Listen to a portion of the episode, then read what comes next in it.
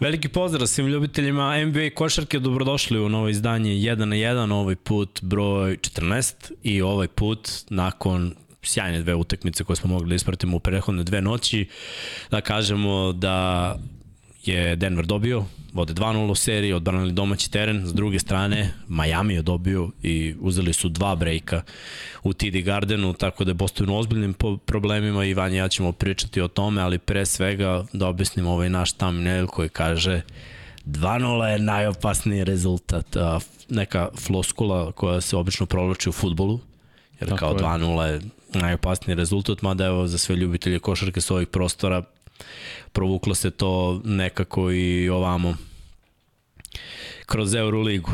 Eto, ispade da je taj 2-0, izvini Srki. Rano još kao. da, da, I'm on fire. Uh, ispade da je ovaj najopasniji rezultat stvarno i sad ćemo videti kako će odgovoriti Lakers i, i Celtics iskreno. Ne, ne mireši mi to na dobro, ne, ne znam kako ti to vidiš, ali ajde ovako pre nego što krenemo da analiziramo sve, prvo da vas pozdravim, znam da je subota i da je stvarno lep dan i vidjet ćemo koliko će vas biti u live-u, mislim da će biti manje nego što smo ovaj, u posljednjih par podcasta imali kad je čak bilo i 400 i malo više od 400 i super je što nam pregledi idu, što je podcast sve popularniji, vidim da dolaze ljudi sa raznih strana, vidim da ima dosta ljudi koji pišu u komentarima da su tek saznali za podcast i da im se to sviđa. Naravno, plan je da se radi kad se završi NBA, jer ima uvek neke teme što se tiče košarke. Tako da, ako niste do sada, lajkujte, subscribeujte se, postanite naše članule, od tek smo prešli 25.000 subscribera, pre dva dana sad je 25.000 i 150, što je onako lepo, eto, ako budemo održali neki taj nivo mm -hmm. ljudi koji dolaze, mislim da smo generalno nepoznat kanal i da nemamo toliko mainstream sadržaja, ali je košarka u našoj zemlji bar bi trebalo da bude mainstream, pa eto da vidimo šta mislite da li radimo dobar posao ili ne, podržite nas na Patreonu ako možete kao naši pokrovitelji, pomozite ekipi preko shopa, uzmite neke stvari, imamo garderobu Infinity Lighthouse shop, uh, duksevi, majice, Lab 76, 99 yardi, bit će i jedan na jedan, bit će neki košarkaških fazona, smislit ćemo vanje i ja to samo još uvek nismo. E, sada preko puta mene Vanja, pa Vanja, pucaj, kako Pozdrav. ti se činilo sve ovo? Pozdrav s moje strane, po utakmice, utakmice su bilo fenomenalno, iskreno, baš sam gledao timovi koji gube 2-0, imaju rezultat 6 pobjede i 56 poraza u tim serijama. Uh, što se tiče finala konferencije, što je najzanimljivija stvar je da je LeBron James ima, to jest njegovi timo imaju dve pobjede od tih šest samo koje su, tako da su male šanse da se vrati, ali ako neko to može, to je očigledno LeBron James i njegov tim, ali opet kao što se rekao danas prelep dan, uh, Inače, 97 dana do početka svetskog prvenstva, 33 dana do, do NBA drafta, 12 dana do utakmice broj 1 NBA finala, jedan dan do nove epizode Demon Slayera, tako je, žive anime. Ali da, i veliki pozdrav naravno i za našeg sponzora Admiral Beta. Danas su mi rekli da, da su free betovi trebali da legnu, tako da ljudi samo pišite u komentarima da li jesu ili nisu. Neko već napisao na Instagramu da jeste, tako da mislim da je to rešeno. Tamo možete za finale Euroligi isto koja je sutra, izvini Srki, zbog toga Real je prošao dalje da se kladite i da odigrati, možete iskoristiti naravno kod 1 na 1 za novo registrovanje i dalje stoji, stajeće ono, do kraja juna, tako da znate, ali prelep dan, stvarno je prelep dan i još bilo, bilo su još lepše noće ove poslednje dve što se tiče NBA košarke.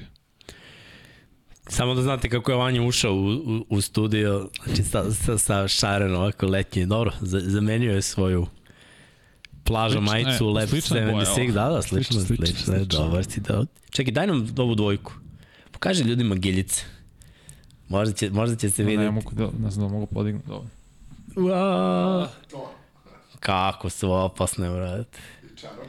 Sve, sve, a juče imamo još jače. Klasičan no, sneakerhead. Ovo su Lebronove od 19, 18-ice Lebron Palmer, inspiracija na devetke koje je za čuvenog golfera zapravo napravio Lebron i Nike, tako da žao mi što te devetke, ne, video sam ih na Sneakerville kad sam bio neki čovjek imao baš grme, baš, baš grme. Ja, brate, meni žao da nosim ove nove, no, samo u sali sam ih nosio i ja sad, znaš, ono, kao kad sam bio klinac, brate, treniram i ne mogu, brate, da izađem u svoj trening patici, pa ni, ni u školu ne mogu jedan da, ja, znaš ono, i onda ako čak se zeznem, I ono, kao odem u školu, kao da isfuram patike s treninga, onda kada dođem kući kreće temeljno očišćenje, razumeš je ono mackanje kremicom, ono sve mora da bude, ja sam baš bio lud. Nikad Mislim, i dalje nisam nosio u školu, samo kad uzimam nove za trening, onda te stare, onda tad ih iznosam i sudek nosim, ali te ne. Ali probat ću da nađem kobijeve šestice, ljubičaste cele. Mislim da su mi kući. Mislim, mali je broj, 42 je broj, naravno, ali mislim da su i žive i dalje. Ja sam moje dao Ćaletu. Jedna su završile u njivi, a druge, ko zna da su, ne smijem ni da pitam. Ni, ne, ni ne želim da pitam, evo da budem iskren. Kaže, Ćale, gde su one kobi? Znaš one ljubičaste? Što sam ti dao? Ko zna, verovatno kosi u njima. Ja, ajde, ajde da se bacimo odmah Srki na analizu prve tekme. Prva tekma, naravno, zapad i... Jamal! Mora da bude naslov Jamal. Kad daš 23 poena u četvrtoj četvrtini, pritom nešto sam gledao, utakmice sa 20 plus poena playoff utakmice u četvrtoj četvrtini. Dobro, znam koja je statistika. Je moguće da da ovaj... Jamal, Jamal... ima četiri, jedni igrači koji imaju su Jordan 2 i AI, tvoj omiljen isto dve. Bolest. Da je moguće da Jamal Mare ima više od utakmica sa 23 pojena u četvrtoj četvrtini od Iversona, Kobija, Jordana. Neverovatno. Pa ima, mislim, ima i veći pro, uh, prosek poena u play-offu od veliki broj igrača. Mislim da ne nabrajem Shaquille O'Neal, Larry Bird i tako dalje i tako dalje, tako da nije nereal.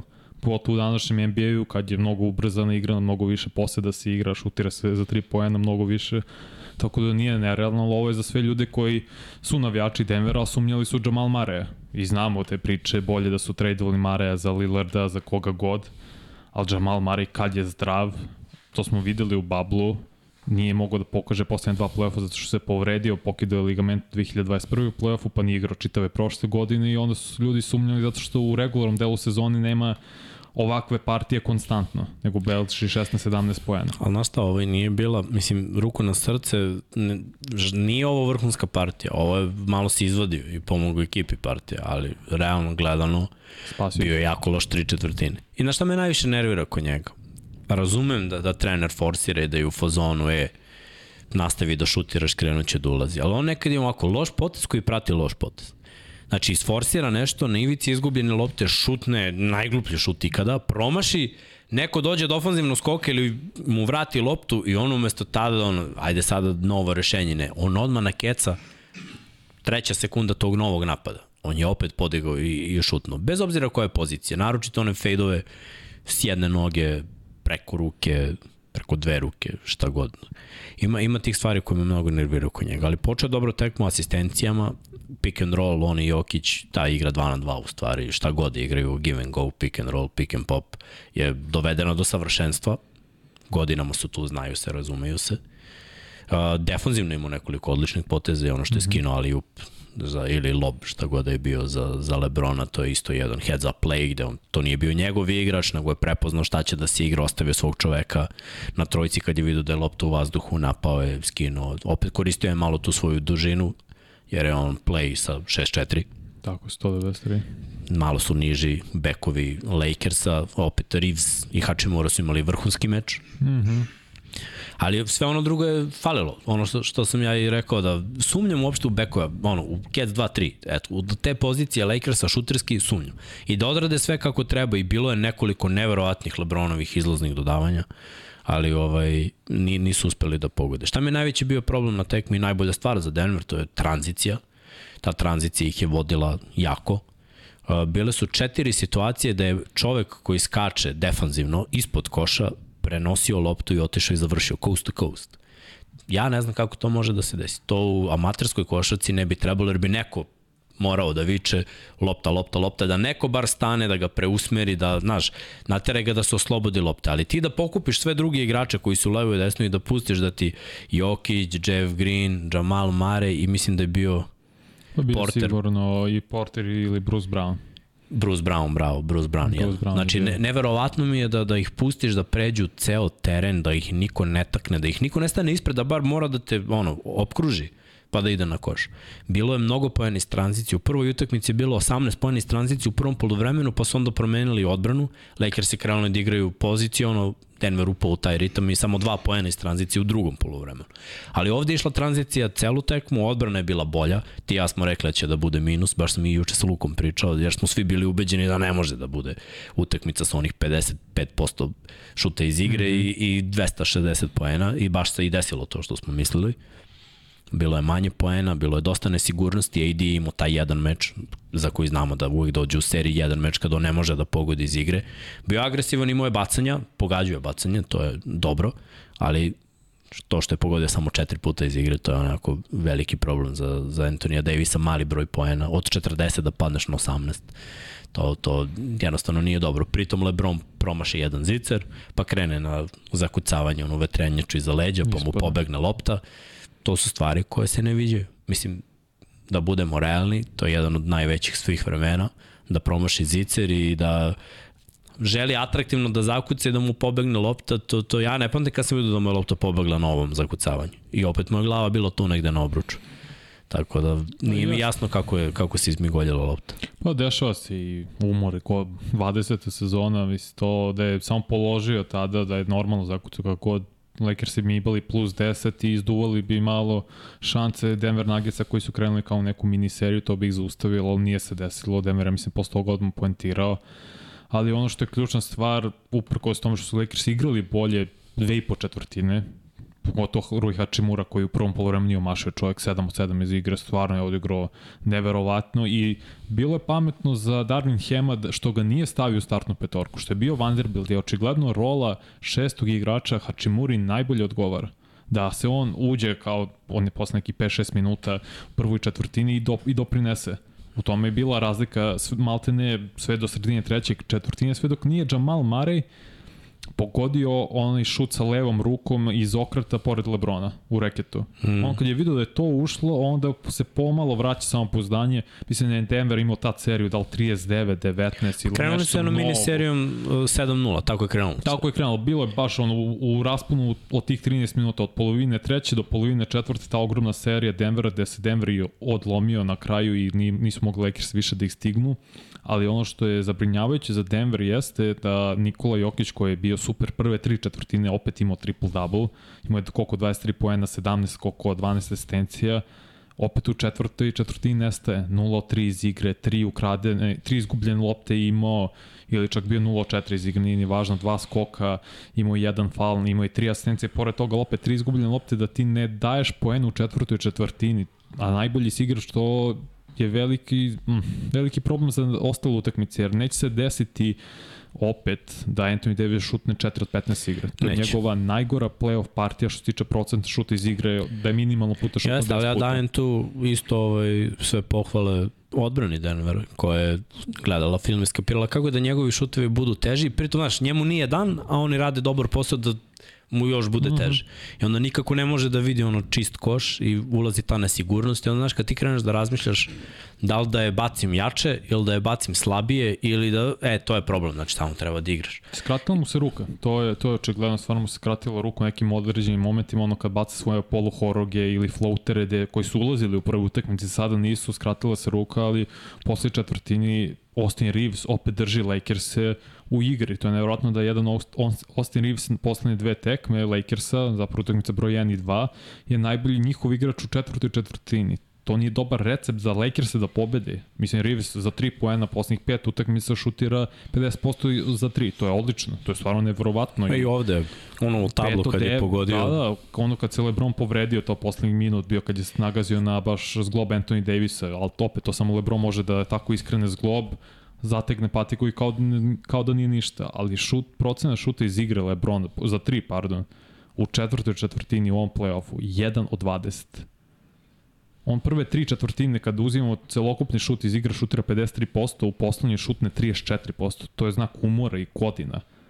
I, I vrlo su slične, prižat ćemo Boston i Miami, kako te dve, i obe serije, se, obe serije funkcionišu na sličan način, gde najbolji igrači Tatum i Jokić ne doprinose skoro ništa u četvrti četvrtini, a s druge strane imaš jednog Jimmy Butlera u svom prajmu koji to rešava, a Lakersi nemaju tog igrača, jer da je LeBron tri godine mlađi, Ja mislim da bi Lakersi dobili no. jedan meč. E, sad moram ovde da te zaustavim, jer, znaš šta, Jokić ne doprinosi poenima. Znam, u četvrtoj četvrtini. Tako je. Ali ne može da kaže da ništa ne doprinosi. Rekao sam minimalno doprinosi. Rekao si ništa. Ali... Jer gubi Izgubio je pet lopti u dve utakmice. Izgubio je, tako je. Ali šta, na ovoj utakmici nije bio dovoljno agresivan. Nije šutirao, mogo je on da uzme neke šuteve, gledao je da razigrava. Dobro, ima Opet. više šuteva sad nego u prethodnom da, meču. Ali sad je imao neke koje nije uzeo.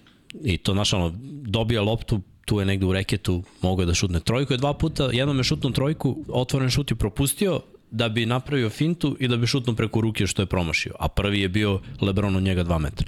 Ali na šta je meni ovaj, dobro? Zato što je odmorio na početku četvrte i onda se vratio da odigra do kraja četvrtu. Uh, žrtvo je malo odmor, jer je vid, Melon je prepoznao da je Denver u jednom dobrom naletu, ali dobro je boksovao, i moje skokove. I, znaš šta, potrudi se da ako on nema skok, da je reket obezbeđen da neko drugi skupi skok. I tu je u stvari Denver naprave razliku. Su Lakers u jednom trenutku imali ja mislim 8 ili 9 promo, promošenih napada, bez koša da su bili. Mm -hmm. E, tu je bilo važno za Denver da ne dođe do novog napada. Tu, Lakersi su protiv Golden State-a bili opasni tu. I u prvoj utakmici Denver imao više skokova.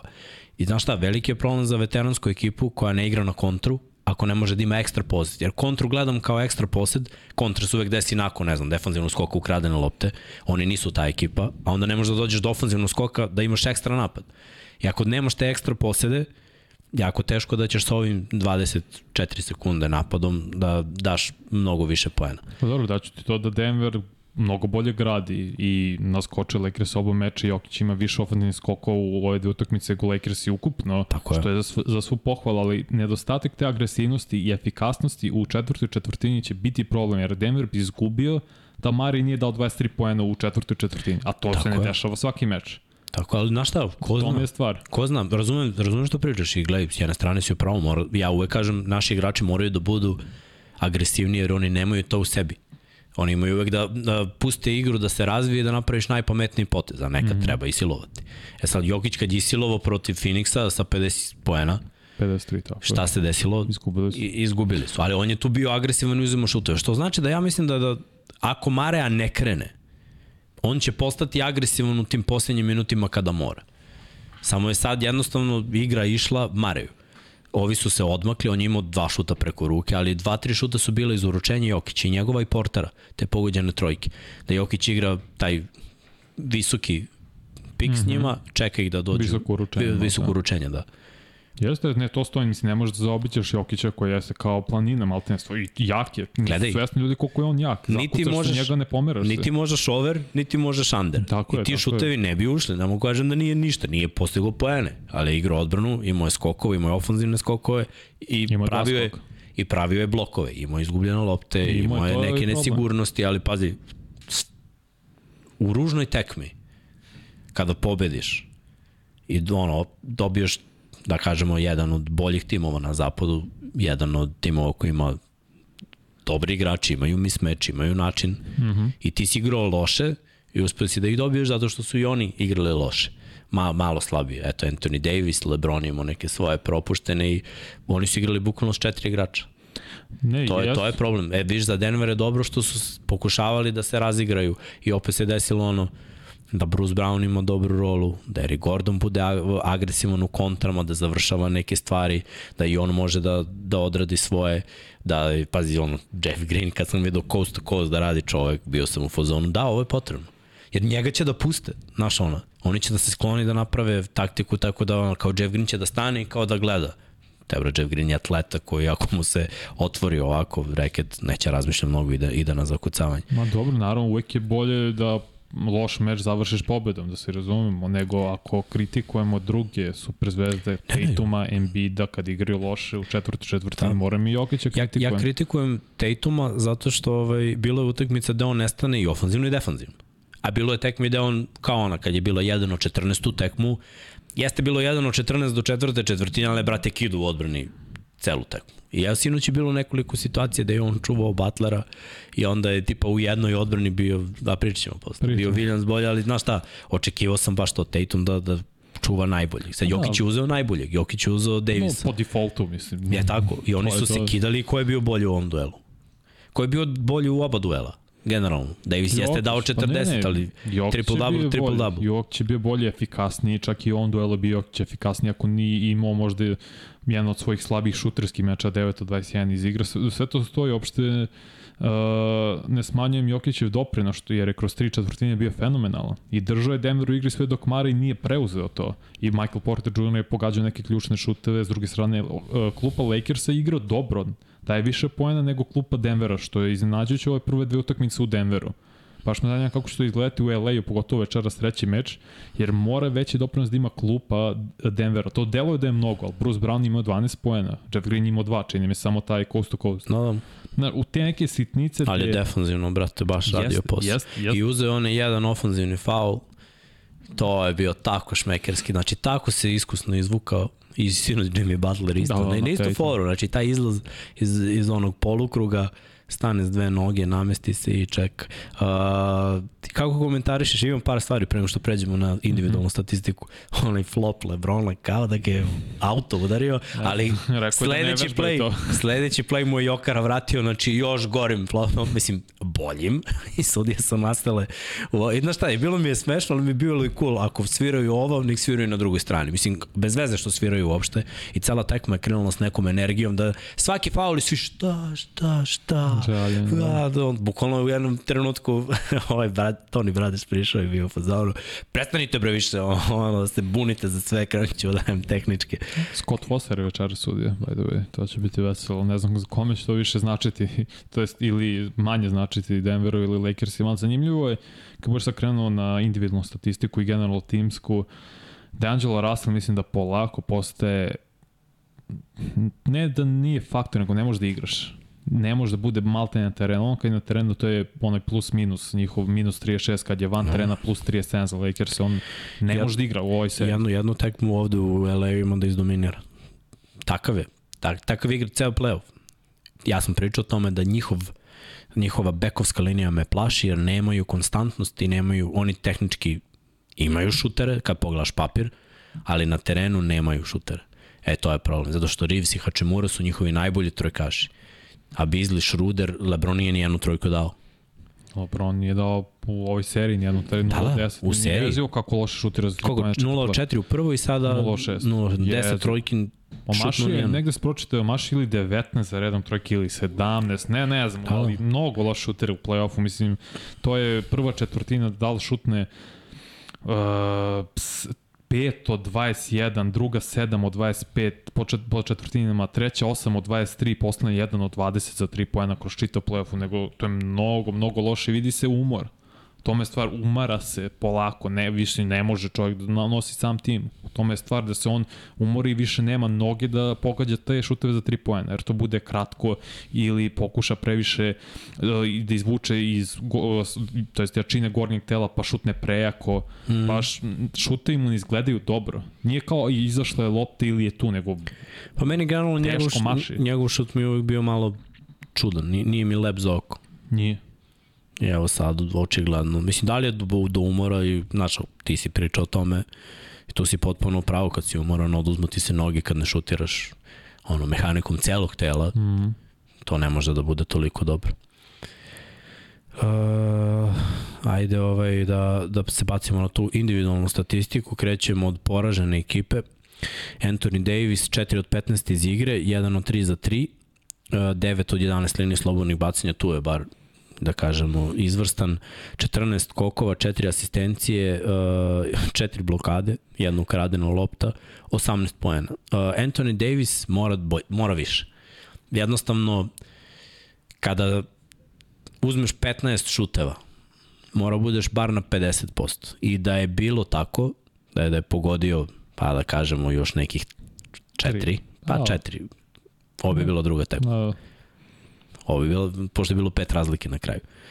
Da je pogodio i tri, opet bi bila, bila druga tekma. Znači, mnogo promašenih, ali lepo su igrali odbranu i to je ta bila njegova jedna gde greši. Pritom 41 minut. Lebron 40 minuta, 9 od 19, ajde da kažemo, on je tu bliže, ali 0-6 za 3, znači to je katastrofa. Pritom e, ne računamo da je šut, ona izgubljena lopta koja mu ispala na zakucavanju, a to je mhm. realno isto fail i to bi bila velika razlika. 4 od 4 zbacanja, 10 asistencija, 9 skokova, znači za dlaku triple-double, 22 poena. Dve blokade za Lebrona. Na 22 poena Reeves, 8 od 16, 5 od 9 za 3, sjajno. Oba meča šutira 5 do 9. Pet asistencija isto, treba reći da je odigrao vrhunski. Hachimura koji je krenuo sjajno u prvom polovremenu, ali onda je šutno još tri puta do kraja tekme. Eto, tu je morao i onda bude agresivni, 30 minuta na parketu, 8 od 10 šut iz igre. Znači imao si 7 od 7, pa si promašio jedan šut i nakon toga si nakon tog jednog promašaja šutno si još dva puta.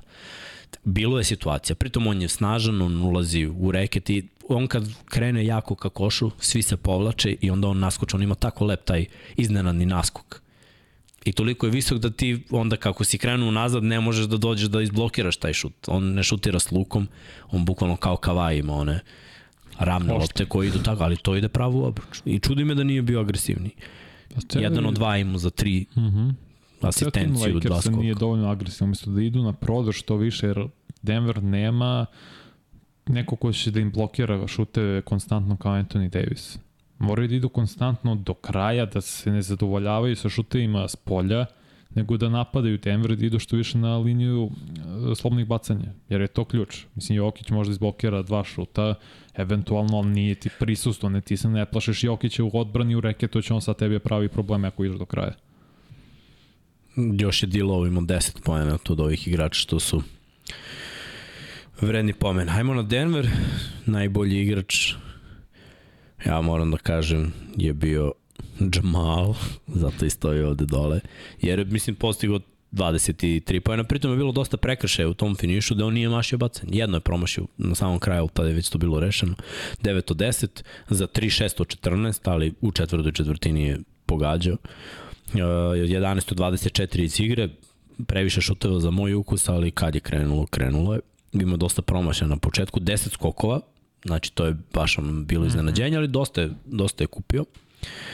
I pomenuo bi naravno da je Jokara bio na triple-double nivou, ti si već rekao 23, 17, 12 da je imao i tri ukradene lopte i to je onako bilo jako. Porter junior 16 poena, Gordon 10. Vrlo važno da ima 10, da nije 6, da nije od, mora da bude dvocifren i bio je agresivan.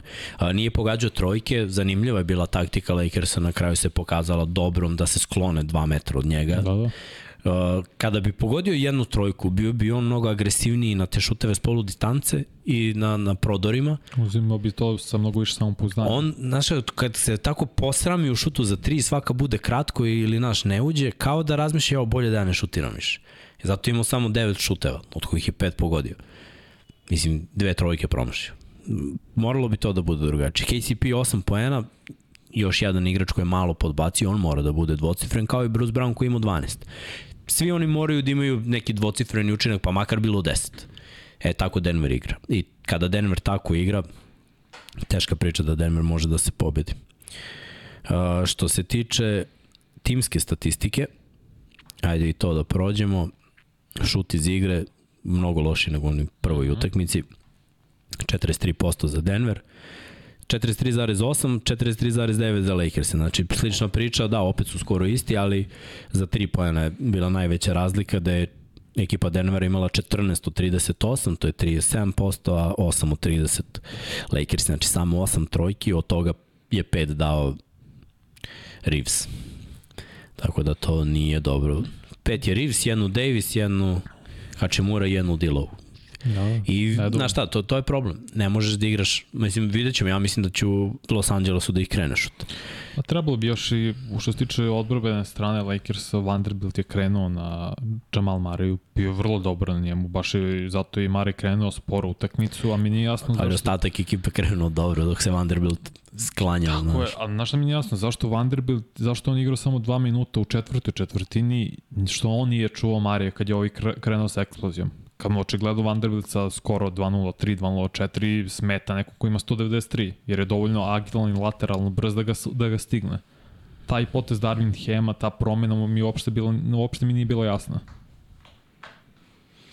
Ne znam, razmišljam, treba, mislim, definitivno ne može ga čuva neko niži, jer svi bekovi su niži. Mm -hmm. Vanderbilt je bar više. Ovo 6-4 i da te stave ulogu playa ili beka koji preuzme loptu, onako nezahvalno je baš za, za odbranu Lakers. Tako da mislim da da si u pravu i da trebalo bi to da bude, ali bilo je tu ovaj, dosta slabih taktičkih poteza Hema, Jeste. koji je mogao i u onoj prethodnoj seriji da neke stvari reše ranije, pa kako je počeo uopšte. O, I prvu utakmicu, drugo polovreme kao nešto ispravio, ali u ovoj drugoj utakmici je bilo, ja kad vidim pet kontri da niko ne takne čoveka koji ide coast to coast, nisu samo igrači, naš, ne, neko mora da im skrene pažnju. Da li će se opet meniti petorka Lakersa večeras? Ne znam. Ja mislim da mora opet neka promena. Ne znam, ali na šta, Dilo po mom nekom razmišljanju samo troši minut, ali ako ga ti nećeš dobiti ako on nema dobro večer, nemaš drugog igrača tako koji može da šutira, tako da moraš da živiš sa tim rizikom da će njega da krene. Eto, to je... Iskreno, ja bi benchovao Dilo, ostavio bi Hachimura, o Hachimuru pored Vanderbilta, Austin Reevesa, Lebrona i Anthony Davisa i koristio bi Malik Bizlija. Vidim da li će njega da krene. Jer ima priče iz slačionice Lakersa da ako je benchon uh, D'Angelo Russell, da će mentalno totalno da ono, odustane i da neće biti spreman da igra sa klupe. Ok, ako on ne može da prihvati to da ulazi s klupe, jer do sad nijednom nije ulazio s klupe od kad je u LA-u, mislim, izvini, svi imate dubok roster, pusti Malik Bizlija da proba, mislim, on je šuter za tri pojena, to mu je specialitet, igra isto uh, dobru odbranu, ne vidim šta, u čemu je razlika. Ne treba ti još jedan kreator pored Šudera, Lebrona i, Ant, i Austin Reevesa. Kod Angela Russell neće da igra odbranu i ne ide ga šuti i osjeća se loš ako ne startuje. Mislim, benčuj ga i ne mora više da igra. Znaš šta, mislim da oni neće pobediti ako, ako nemaju... Moraš neke taj, promene da. Pa, vidjet ćemo. Vidjet ćemo šta će tu da bude. Svakako, Lakersi su podbacili u obe utakmice, a bili su u egalu u obe utakmice. Tako yes. da nije to toliko loše za njih, samo je Denver bio klač u pravim trenucima. Mnogi su otpisivali Denvera, Denver je zapravo bio prvo plasirana ekipa na zapadu i lepo su ovo rešili zaista.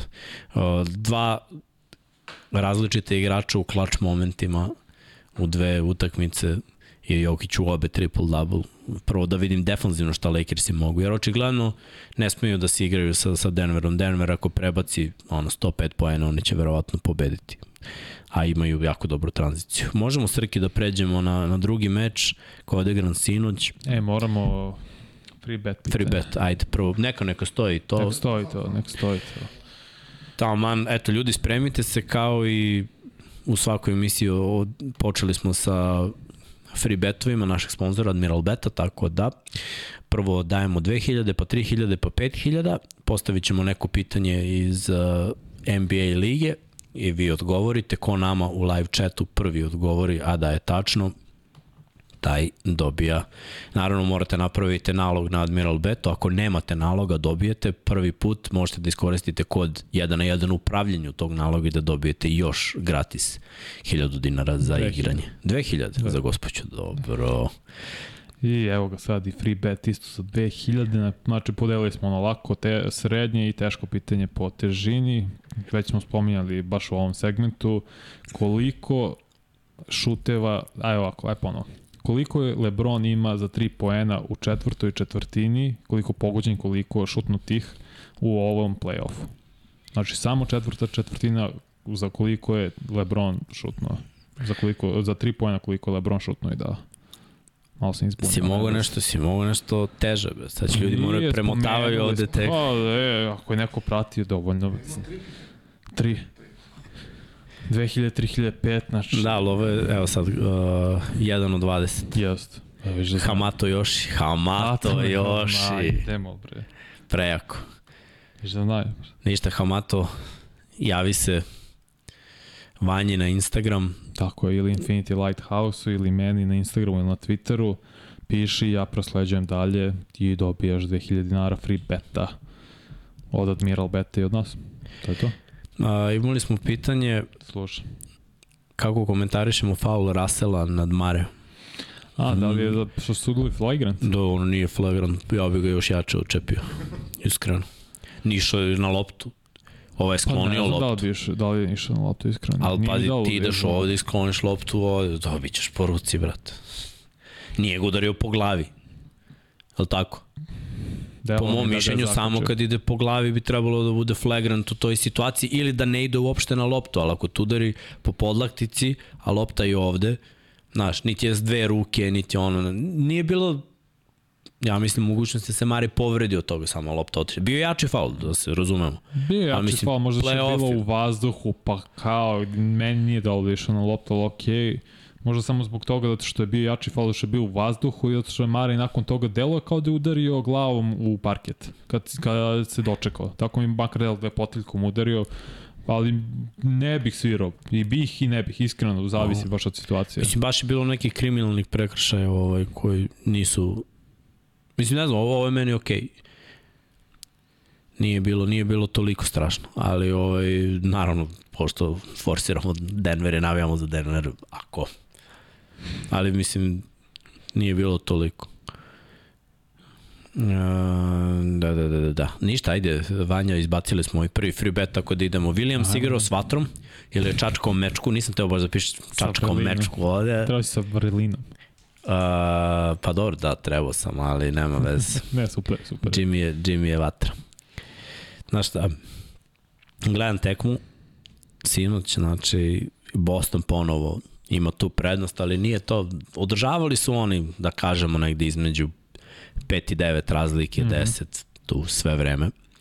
I onda je došao moment kada je Miami krenuo malo bolje da igra u odbrani i tačno vidiš u par navrata stižu oni do 5, stižu oni do 4 i Ja, Williams, znači koji nije igrao u prvoj utakmici i pazi, odigrao je jednu vrhunsku odbranu na Jimmyu, natero ga na težak fadeaway iz kraćenog kornera. Nakon toga je dobio asistenciju, pogodio trojku I Jimmy prokomentari su to da je to ono, zdrava konkurencija. Ali kako, kako možeš da budeš glup? Znači, ko, naj, drugi najbolji igrač u ovom playoffu je Jimmy Butler. I ti da mu se tu uneseš u facu. Ja gledam, znači odmah su u snimku, ovaj, dok se Jimmy vraćao, krenuo se smejem. Kapiram da sebi misli, budala, gledaj sad ovo. watch this. Gledaj, watch this. Kao Cam Newton kad je da. odradio ono, koliko je to bilo dobro. Yes, znači, oh, you're oh, watching film. You're watching film. watch, watch this. Pap. Odmah sledeća akcija su bili poeni uz faul Jimmy da. Butlera, koji onda prišao, da mu se unese u facu i vidim sam mesto samo da iskulira i da ode. On burazer mu se uno u lice i krenuo, brate, da se prepucala sa Jimmy Butler. U tom trenutku, znači, ljudi, ja gledam ovu utakmicu, spavam, kre, mislim, devojka mi spava po u krevetu, ja na tabletu i gledam i u fazonu, Ajmo, Jimmy! I samo kreće. Ne samo, ne samo što je Jimmy krenuo da, da igra, nego Duncan Robinson opet iz izlazne kretnje Ljudsko. dobija dva pap pap. Daj samo pap pap. Posle njega još neko pogodio trojku. Vincent. Vincent pogodio Kevin I onaj, da, i onaj, I onaj kad je gurnuo na kraju, Tatum, malo, da, dakle, malo ga iskalo, malo MJ odgorivanje, ali brate, onaj ofanzivni skok Adebaja, dok su svi gledali, na i zakucavanje nakon toga, mm -hmm. to je rešilo tekmu. Naravno, Jimmyevi poeni, da, dobra odbrana, opet su poveli i Boston šutira trojke nejasno mi je, gubiš dva razlike i panika i opet da, da se šutnu dve trojke u dva napada. Bukvalno mi nije jasno. I opet nismo videli ni Tatuma ni Browna, ali ja to sad to očekujem. Bukvalno sad to očekujem. Znao sam da će Miami na ludilo, na bes, na pocenjivanje svih. Posle je Bajo bio sa, sa Šekom i Barkleyem, to sam gledao. I ono, ovi su ga nešto pitali i on je bio u fazonu, ono, svi ste nas otpisali, mislim, kao šta sad? Kao nešto pričate, a bukvalno ste nas svi otpisali. Prošle godine ste nas otpisali, niko nije verovao. I onda je Barkley bacio, pa dobro, ispali ste. ja ovaj bio fazon, ali ove godine.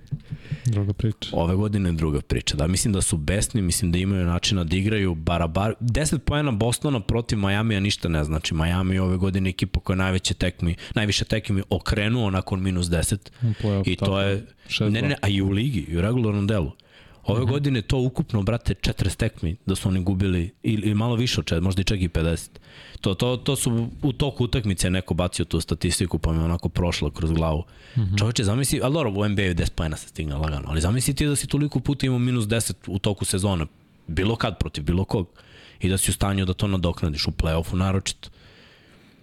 Svaka čast, svaka čast. I baš sam uh, sinoć s Lukom pre nego što je bilo, on me nešto pitao, uh, ja rekao, Duncan Robinson? Je igrač koji ima utakmica loše. Imao je 0-6, imao je 0-7, ali imao i 6 od 7. Imao je 6 od 6. Doći će utakmica kad će on imati. Neće imati svako, on svaku treću odigra da izdominira. Ali nekako mi je delovalo da će ovo biti ta. I bravo, svaka im čast. I Martin je bio na visokom nivou, i Vincent je bio, Lauri opet imao neke dobre poteze, ali Adebayo defanzivno i odbrana, i skokovi, i taj ofanzivni skok, i Jimmy Butler sa svojom energijom ludačkom Alvar. Pazi, ja prvo ću, pre što dođem na Jane Butler i celu situaciju sa Grant Williams, moram pohvaliti stvarno Caleb Martina koji je određen momentima, pogotovo u trećoj četvrtini držao Miami nije dozvolio da se Boston odlepi na 10 plus. Uvijek bilo tu 8, 9 razlike i Martin pogodi šut. Pogodi za 3 poena i on je do sad u seriji postigao više poena nego Jalen Brown. Znači, Caleb Martin za klupe je bolji poenter nego Jalen Brown koji je All-NBA igrač to dosta znači što se tiče Miami Hita, spomenuo si Duncan Robinson, ključni šutevi, mislim možda u prvoj utakmici to nismo ni komentarisali, ali imao je onaj inteligentni potis kad je u šutu video da će ga, mislim da je Brown, da će ga izblokirati, malte ne gađao Adebaja u glavu da bi mu se vratila lopta da bi ponovo šutno, nije dao, ali opet to je košarkaška inteligencija, da ti znaš da ili će biti izgubljena lopta greška u na dupla zapravo, ali ti, ok, ne, njega u glavu meni se vraća, ali dobro, ali ono što radi Jimmy Butler i njegov mentalitet je najpribližnije Kobe Bryantu. Taj mentalitet da te zgazi i Kevin Garnettu isto, da te zgazi na terenu konstantno, da on zna da je mentalno nadmoćni i jači od tebe. I prosto njegova volja da završi meče. U tom momentu kad je Grant Williams pogodio trojku, Miami je otišao na seriju 24-9.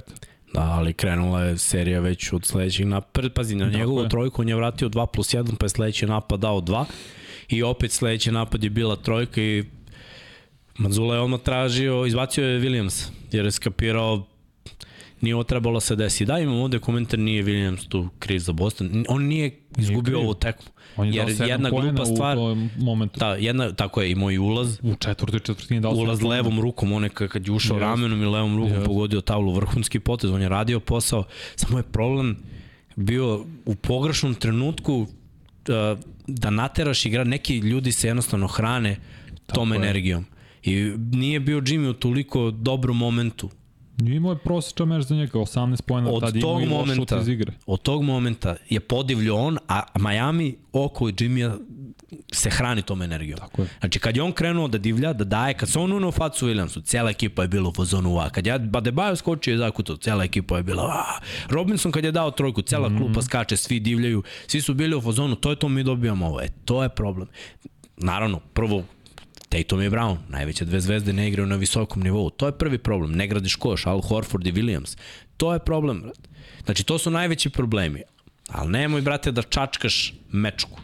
Zašto, zašto bi pokušavao da uđeš u mentalni rat sa, sa jednom tako mentalno stabilnom osobom kao što je Jimmy Butler. On lik Ubica. je rođen za ove momente. Mm -hmm. I opet nam je demonstrirao da je rođen za ove momente. I ovaj playoff, da nije Jokare i ove sulude njegove dominacije sa triple-doublom u proseku, Jimmy Butler bi bio najgori, na, najbolji igrač u play-off. Jeste, mislim, meni se nije svidilo poređenje američkih eksperata i analitičara, kako god ih nazovemo. Po, nije on približno Bryant i Jordan po stilu igre. On dolazi do svojih mesta, ali to izgleda kruto on baš u nekim momentima kad dribla, bukvalno poskakuće dok dribla, pogotovo tu oko reketa i onda jako naskoči i podigne se. Ba kruto to sve izgleda, ali mentalitet taj da ne može da ga pobeže, da neće dozvoliti to, znači da će pre umreti na terenu, što je Kevin Garnett najpoznatiji po tome, znači čovek kad sam čuo priče da je on glavom prolazio kroz zid, mislim, to ti sve no. Da. jasno koliko, u čemu se radi. I Jimmy ima, brate, dve, opet, unosi malo i strah i kad,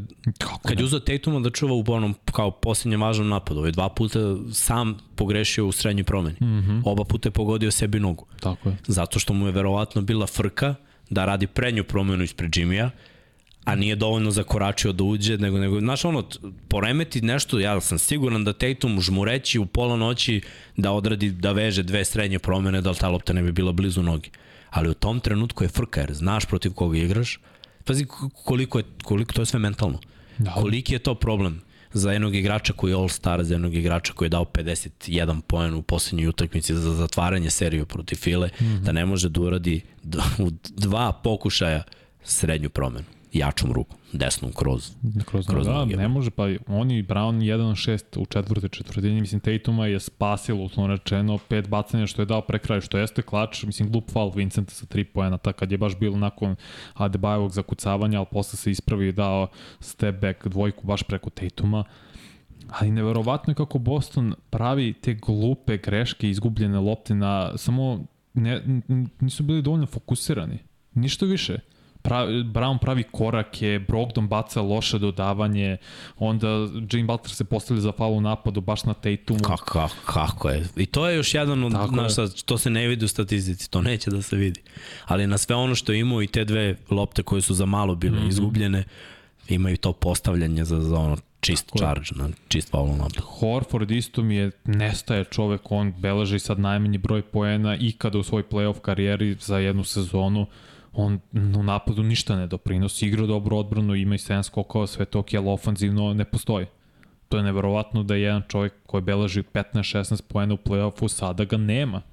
Iz kog razloga ne znam da li je to prosto odluka čitavog tima da se tako bude filozofija da se da Horford više bude fokusiran na odbranu, ali opet da ništa skoro ne doprinosi u napadu je neprihvatljivo. S druge strane, Aldebayo, to ono što sam rekao, mora da ima minimalno 20 i 10 da bi Miami prošao dalje.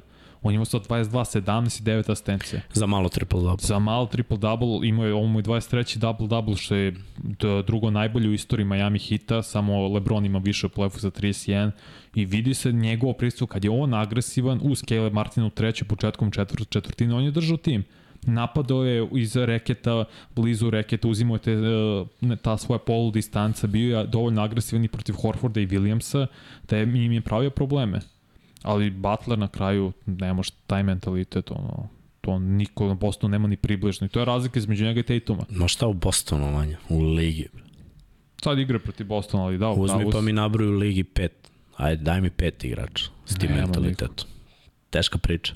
S tim se, znaš, to, je neki... S tim, to je staro To je urođeno, znaš. Ne rodiš se s tim, ali brzo stekneš to. I ja, ja mislim da je urođeno i da te ono još od, od rane mladosti e, život spremi na to. Mm -hmm. da, da je to sve povezano sa odrastanjem, sa vaspitanjem, sa nekim navikama, nevezano za sport koje nosiš iz kuće, pa se to prebaci na navike koje stekneš u, u sportu, ali red, redko ko ima ovo što ima Jimmy, zato ono, ga baš, baš, baš poštimamo. Mm -hmm. Samo kaže, čitav tim Miami je uzao taj mentalitet njegov. Tako I Spolstra kao trener. Da. On je lud kao trener 100%. Nema teorije da nije lud, jako, jako, ali jako je dobar. genije. Jako dobar, jako dobar trener i znaš šta, kad vodiš primerom, to se bude malo drugačije. Ko je veteran tamo, izvini? Udonis Haslem, a znamo kakav je on. Pa dobro, imaju par vet. Mislim, gledaj, ja smatram da su Jimmy Adebayo i Lauri i Love veterani. Ne, ne, okej, okej, nego ha, Haslem, Haslem nije samo veteran, lik. Čiča je staro sedeo, ali i on je taj mentalitet, stara škola, nema šale s njim. On će se uneti s tobom u lice, makar ne igrao njeti jedan sekund što se dešavalo na utakmicama, da prosto se unese nekom drugom. Mislim da si protiv Niksa to desilo. Jer je takav je Miami, ne možeš njim, sa njima da se šališ, nema igra s njima. Pa oni će se malte neko šarkaški pretući. Biće fizikalni, više će želiti u svim ovim kategorijama gde je želji i srce u pitanju, ono, hustle poeni, e, postavljanje za falu napadu, poeni iz tranzicije, sve to, to je Miami u playoffu broj 1 u svim tim kategorijama. Mislim, to nije slučajno. Nije, nije. Na evo, kažu Kavaj, jeste Kavaj, isto ima to. I opet pogledajte taj mentalni sklop. Kavaj samo ima nesreću da nije, da telo ne može da izdrži njegovo. Da, pa dobro, ali pazi, on je, on je ve, se ostvario mnogo više u prvim godinama kad je bio zdrav. Jer je u San Antonio imao dve, tri dobre godine, pa ovo sa Torontom su isto bile, bila jedna dobra to, godina. Titula imao. Tako da ono, tu se on obezbedio i odradio posao. A Jimmy i dalje teži. Ono, to su isto godine draftovani. Da je Kawhi bio 15 i pik 2011. a Jimmy bio 30 i pik 2011. I neko je napisao da Jimmy ima taj mentalitet od Bulls. Ja kažem, to je urođeno. To nije kao steko je sad posle 10 godina u, u ligi. On je tečko bio takav od uvek. Od uvek. Uh, ajmo, ajmo malo na Indi statistiku, individualna statistika. Kevin Love 15 minuta, 3 šuta, 0 poena. Uglavnom je bio na klupi. Skraćena rotacija. Uh, Jimmy Butler, 27 poena, 12 od 25, znači skoro 50% šuta iz igre, 3-3 s linije slobodnih bacanja, jednu trojku je šutno, malo isforsirao, promašio. Da to ona trojka kad smo svirali faul u napadu, mislim, da. ja to ne bi svirao faul napadu, iskreno. Pa bilo prvo, on je šu, ali znaš šta, zašto je morao da bude sviran faul u napadu, što je lopta već izašla. Iz njegove... Da, i onda je bio, tek kad je lopta napustila ruku, bio je kontakt po podlaktici i to je dovelo do ispadanja iz balansa, da on šutne i saplete uh, Smarta koji naravno je Cristiano Ronaldo NBA. Dečko, mislim glumi za medalju svakom čast. To je deo njegove, ove, njegovih igračkih epiteta. Adebayo 7 od 17, 22 poena, 9 asistencija, 17 koliko. Baš mi žao što nije imao triple-double, jer Adebayo nije taj lik koji toliko razigrava i dodaje, ali na ovoj utakmici je tako inteligentno igrao. Uh, bio je bukvalno jedan od najboljih igrača. Naravno, Jimmy je najbolji, ali Adebayo tu tu za nijansu ispod. 11 poena Strusa, 3 od 4 sa bacanja, 2 od 5 za 3. Vincent jedna trojka, 1 od 4, 4 od 4 sa bacanja i tu je pogodio dva važna tu mm -hmm. na mhm. kraju.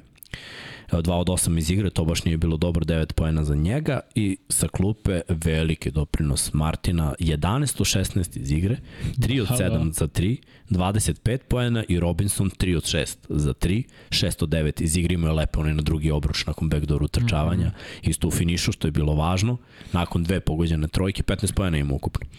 Uh, što se tiče Bostona, Tatum 34 poena, Lauri 0. 0, 0-0. Da, da. Uh, ali dobro, imao je, imao je dobre poteze. Lauri igrao je odbranu, trudio se, 0 od 5 imao iz igre. Uh mhm. -huh. Imao je pet asistencija, jedan skok, jednu ukradenu, jednu blokadu, znaš ono. Sve ka Daje on svoj doprinos. Imao on jednu dobru situaciju kad se izglupirao, napravio korak, imao je tu stebek, ali eto, šta se radi. 34 poena za Tatuma, uh, 10 od 20 iz igre na 50%. 13 skokova, 8 asistencija, imao lepe neke prodore i dodavanja, ali eto opet u četvrtoj četvrtini izgleda da Boston živi od toga da on završi na kraju.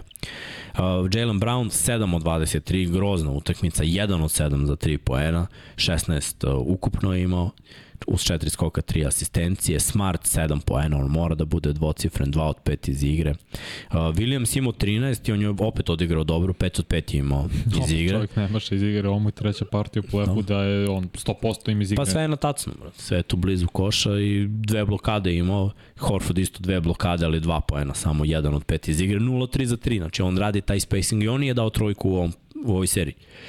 I Boston ne može da živi da Horford ne da trojku u utakmici, u seriji. Znači, on dve, da. dva meča on ne može pogoditi trojku, on je kao taj stretch igrač. Tako da je to problem. Brogdon 13 poena, 4 od 9 iz igre. Grant Williams 9 ukupno, rekli smo 7 u, u tom nekom finišu i White 11 poena.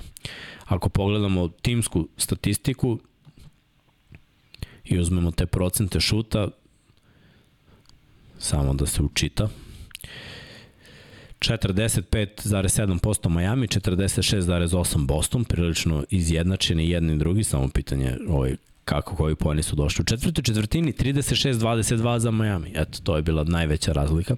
Prelomili su ih u posljednjoj donici. Za 3 poena Miami 9 od 26, 10 od 35 Boston, znači 9 šuteva više, jedna pogođena samo više. Uh, 10 skokova više za Miami, eto tu su izbacili Boston i to sam ja rekao da možda je pametnije Bostonu da igra i sa Horfordom i sa Williamsom bez obzira što. Uh mhm. -huh. Da bi imali nadmoć u skoku, da ne jure toliko bržu igru, jer protiv Miami ja nisam siguran da im je to toliko bitnije, ali ofanzivni skokovi na kraju će ih ubiti. Uh, 11 je imao Miami ofanzivnih skokova. Znači to je 11 novih napada. Uh, ako gledamo izgubljene lopte, 15 su imali Celticsi, a poeni od tih 15 izgubljenih lopti za Miami 20. S druge strane 11 izgubljenih lopti za, za Miami. Najveća prednost za Boston je bila 12, Miami nije vodio do kraja tekme i tad su napravili plus 8 što je bila njihova najveća prednost.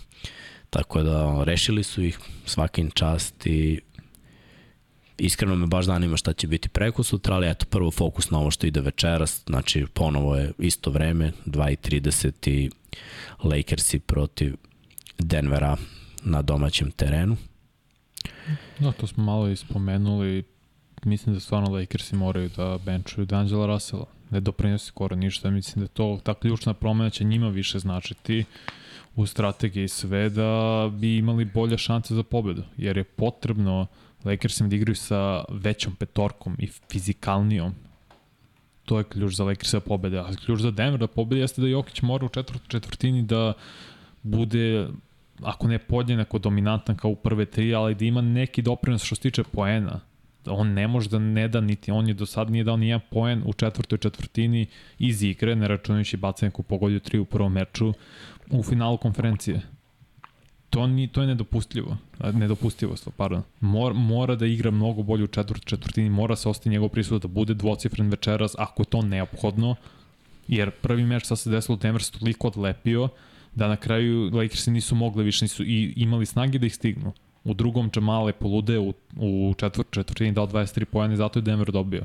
U trećoj, ako bude neizvesno, mora Jokić u četvrtoj da preuzme i da bude najbolji igrač na terenu. To je, makar za mene, ključne stvari. Srki, put, daj nam ovaj kostur da vidimo. Šta? Pa, da vidimo hoć, kostur pa ćemo free bet. Free bet. Evo da vidite još jednom kako to izgleda.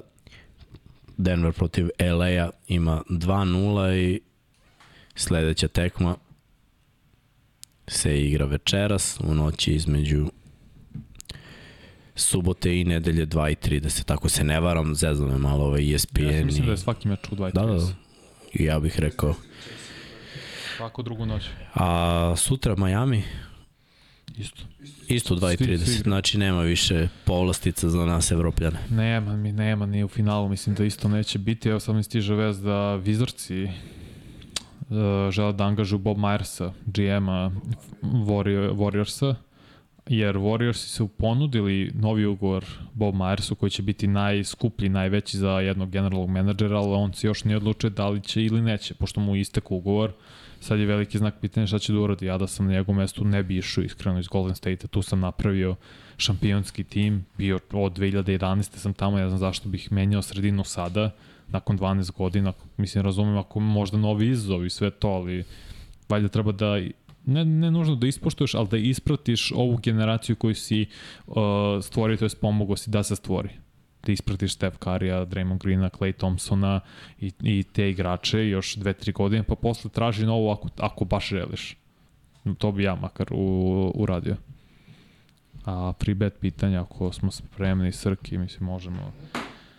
Puci ti, Slovan. Drugo free bet pitanje za 3000 dinara od Admiral Beta, srednje težine glasi gde je Bema Adebayo igrao na koleđu i koji je pik bio na draftu? Nisam mogu nešto spomenuti, ja mislim. Dobro. Kad, smo, kad već imao odličan meč BM, ali eto o njemu, da vidim da li ljudi ako, znaju. Ako i treba. Uh, Dušan Trikić nam donira yes. i kaže tri igrača i total poena za utakmicu tri večeras, dajte vaše prognoze. Mm, Jokić više, zato što je neće ponovo imati lošu utrstu. Jokić skokova. Ja, ja, ja ću reći poen. Ja, poen. Jokić poene više, Davis poene više i Hachimura poene manje. Kentucky 14. Jeste. Antoni Ranković je prvi tačno odgovorio. Rašoman ili Rasoman Kansas 1 si napisao, pa onda Kansas 13 lepi, Antonija Ranković, Kentucky 14. Tako je, Kentucky, Grand Kentucky. A, NM je napisao Kentucky, ali nije napisao broj. Nije, pa mora broj. Mora i broj. 14. pik 2017. iz Kentucky. Tako da kako, Anton? Antonija Ranković. Antonija Ranković, dobro, nek se javi na Instagram 99, ovo 99, Yard Infinity Lighthouse-a ili moj ili na Twitteru i pošalj mi svoj ID, to je to i šaljemo dalje. Samo napiši ko, na koje si pitanje odgovorio. Na Adebaja. To je, e, jasno, jasno, to je 3000. Posle zaboraviti, to je 3000. E, imaš u time kodu, Srki to napiše, pa ja... Ne, zapamtio sam za prošli put, jer su se javili ljudi i napisali su na koje su pitanje odgovorili, uh mhm. -huh. pa mi to mnogo olakšalo.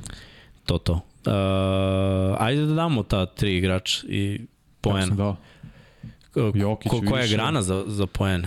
Ne znam, moram bi vidjeti. Ajde pišite ljudi koja je grana, pa ćemo, pa ćemo ovom reći da li je realno duđe ili nije iskreno, nakon te prve utakmice koja je stvarno bila neverovatna, ja sumnjam da, da, da će ova u Los Angelesu biti na mnogo poena. Mislim da je fokus obe ekipe i da je recept za pobedu za obe ekipe bolje da igraju defanzivno. I ovo što je Vanja rekao da Vanderbilt nije čuvao Džamala, to može da se promeni udvajanja na Jokiću, to može da se promeni i opet s druge strane malo udvajanja na Davisu, da se on oslobađa lopte ka igračima koji ne šutiraju toliko dobro, mm pa na primjer da ne krene šut ni Rasela, ni eventualno, pazi neće Hači mora šutirati ovako, sva i on ima ups and downs utakmice, moglo bi da se desi da, da to bude minus ako je ako nisu ovaj preterali sa, sa nekom niskom granom. Ali nakon, šta je bilo posle prve utakmice su valjda stavili 250 ili 200 Može 240. Da, pa smo mi rekli minus lagani, pa nije bilo ni... Bilo je 211. To. Od prilike mislim da će isto biti u ovoj utakmici, ajde, pa vi to prosudite, a za igrače, Uh. Znaš šta, ne, ne smem, ne smem sa, sa Jamalom da se igram. Znači, ja bih bukvalno igrao skokove i Davisa, koji Hvala. mora da skače bolje, jer je podbacio i u prvoj i u drugoj sa skokovima. 14 skokova. U drugoj, da. u prvoj 10, dobro. Prvoj 10, da, da. da. Ja, ja ne od njega, je granica, mislim. Za ja od njega vidi, pa verovatno dvocifrana granica. Pa ne dvocifrana, sigurno sad da li je 10 ili 12 ili 13, ne znam. Iskreno.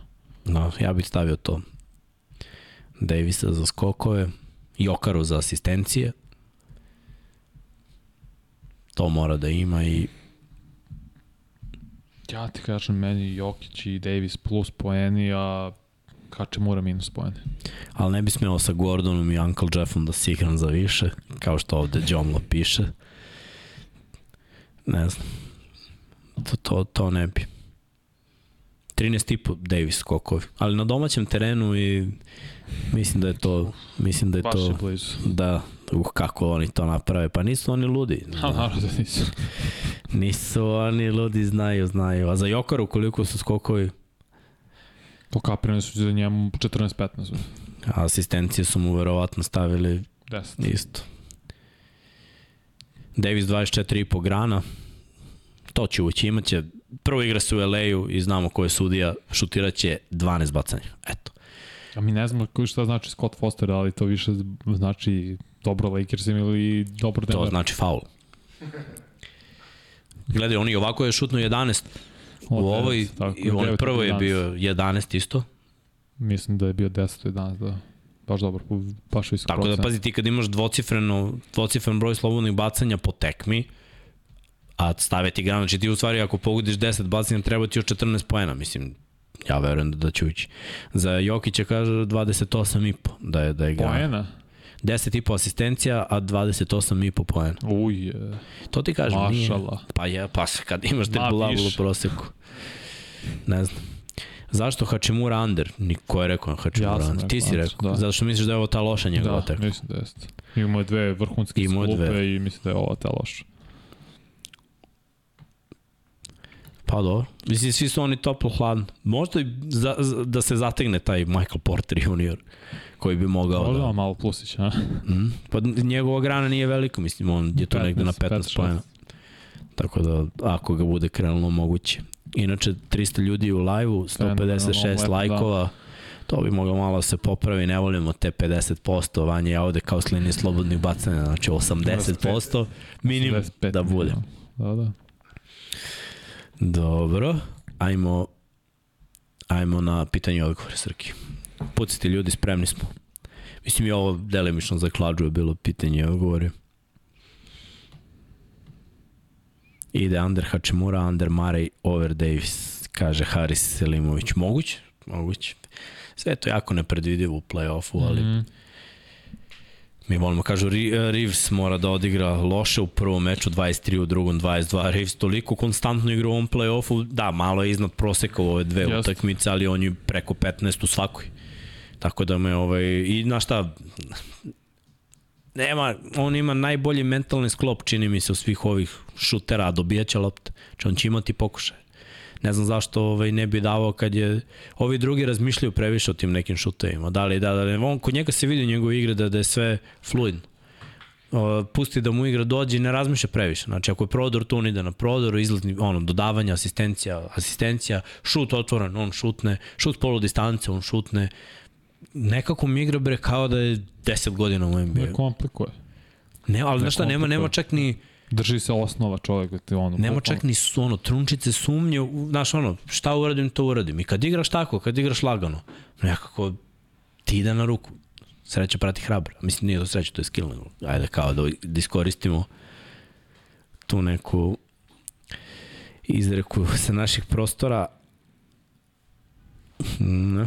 Nisam toliko bio na početku, možda ste pričali o tome, verujete li da Boston može ovo krenuti? Ja ne verujem. Ti? Pa ni ja ne verujem, mislim, volio bi Miami da ide u finale, baš zbog Jimmya i zbog uh, Spolstra, ako sam birao Boston dalje. Pa i zbog Denvera. Mislim da će biti lakše. Pa meni to ne bih se više kladio protiv Majamija, tako da samo iz prosto iz ljubavi prema Jimmy Butleru i Spolsteri, to je čito i Pat Riley i hit kulturi, volio bi Miami prođe dalje. I ja ne znam, Boston sad mora da dobije četiri u narednih pet, kao i Lakers. Baš, baš je to zahtevno. Kapiram. Da li mislite da Jokara samo usporio u četvrtoj četvrtini ili umor uradio svoje? Ja mislim da, da je umor Ja mislim da dobra taktika. I znaš da igra jake minute, igra ceo playoff, jake minute i najkonstantniji je igrač u čitavom playoffu. Dok drugi failuju tekme, on failuje četvrtinu. Mislim, failuje. Ne failuje jer prave dobre blokove, ima skokove, radi posao. Mislim, znaš da, i samim tim što on nakon skoka povuče loptu i ostavi centra iza, uh -huh. on doda loptu i ne dobije možda nekad ni asistenciju, jer taj njegov pas se desi nešto, znači on ima dodavanje Hokejaška koje... asistencija. Tako je. Ali to, to se nigde ne vidi u statistici, ali to je, to je baš značajan doprinos. I baš gledam utakmice kad god igra da komentatori su uvek oduševljavaju, čak i Van Gundy i Mark Johnson koji su mi iznervirali Jackson. obu, Mark Jackson, da, koji su mi iznervirali toliko, sa toliko očiglednim navijenjem i forsiranjem za Lakers, ali bukvalno budu u fazonu, brate, koliko je on talentovan, kako vodi ovu loptu, kao da je play, imaš centra koji je play, koji ti ostavlja njihovog centra tamo nakon promašaja i odmah imaš 5 na 4 svaki put. Ja. I tu su apsolutno u pravu. Oplakao sam na Twitter im koliko su mimova napravili na to što Miami i Denver vodi 2-0, a svi žele, kao NBA želi Lakers i Boston finale, ono kao eh, Illuminati zovu Adam Silvera, a pitaju šta se dešava. Da, koliko ima, znaš koliko je dobrih mimova bilo na Twitteru na tu temu i forove. Samo sam oplakao ovih dana. Da li se slažete da su ovaj playoff obeležili Butler, Jokara, Spolstra, dodajte u Majka Malone? Jako, Mm -hmm. Biće to sjajan, ako se to bude veliko finale, biće sjajan duel trenera, jer je Melon pravi primer šta znači verovati u igrača koji je draftovan niže, podrediti godinama čitavu svoju filozofiju ofanzivnu i napraviti plan oko jednog igrača na svakoj konferenciji za štampu, on bodri svoje igrače, ostaje bez glasa tamo na klupi kada ih tera da igraju Tako sa je, boljom je. energijom i ono što Mike Malone radi meni go, ja bih volao da mi je Mike Malone coach i za ko je Majka Mike Melona bi izginuo. Isto, isto i, i za Spolstru, mislim. Znaš koliko je Mike Malone trener Denvera već? Mike Malone je od početka od Jokara tu kao trener. Da, da, znam jer sam radio na sport klubu prenos. Mm, Jo- Jokić je draftom godinu dana ranije, pa je Da. da. došao godinu posle u NBA. Ali prva prava minutaža i prava šansa koju je dobio Jokić Malone. dobio je zahvaljujući Majku Melonu i onda se desio taj potez Nurkić u Portland da se oslobodi prostor za, Mhm. za Jokaru i za Tako tu je. filozofiju. Dobro, to je slična filozofija i Miami Hita, mislim, Tyler Hero je bio 13. pik, Adebayo je bio 14. pik, ovi ostali su nedraftovani, Jimmy Butler je bio 30. pik, njega su pokupili jer su videli u njemu franšiznog igrača i ovi ostali, to su ono, Lauri isto bio 20. i neki pik, znaš. Miami gradi i pravi igrače, jer talent u pravim rukama može da ispliva, kad znaš da iskoristiš igrača. A oni koji ne znaju se žale i namerno gube utakmice i tenkuju. A ti možeš a realno treba budeš ultra talentovan da si u NBA od svakog igrača napraviš nešto, kao što vidimo primer Miami Heat šta radi. Tako da i neko isto, to sam vidio na Twitteru, uh, finale Majamija i, bo, i potencijalno finale Miami i Denver bi bilo zapravo pravo košarkaško finale, košarkaške vištine. Dok Lakers i Boston bilo uh, naracija košarkaška, priča Mm, zapravo. Može da kažeš istoriju, okej. I zato je to, mislim, ljudi bi pre gledali to, zato što je zanimljiva priča, lepo jer to današnjica, nego što bi gledali Pa i- pravu košarkašku veštinu i talent. I veći, naš, košarkaški gradovi. Da, da su naj, dve najveće franšize. Ti kad po, pogledaš da popularne ljude koji bi došli u Boston i u Los Angeles, Denver je ipak manje tržište i Miami takođe. Mislim, to Miami dolazi. Ma, pa da, ali nisu dolaze, ali nije, nije Miami, Miami je kao grad atraktivan zato što je na Floridi, nije, nije zato što je kao od kad nema Lebrona nije to više ono košarkaški centar. A ono, šta znam, ja, ja navijam za Denver i, i Miami, volio bih da bude to final. Šta mislite, li pocenjuju mediji Jokićevu snagu i fizičku spremu, odmah da ti odgovorim, nikoga ne pocenjuje, jer dovoljno da igrači pričaju o tome koliko je jak i koliko ga je teško dobiti u, u duelima, nikog ne pocenjuje njegovu snagu.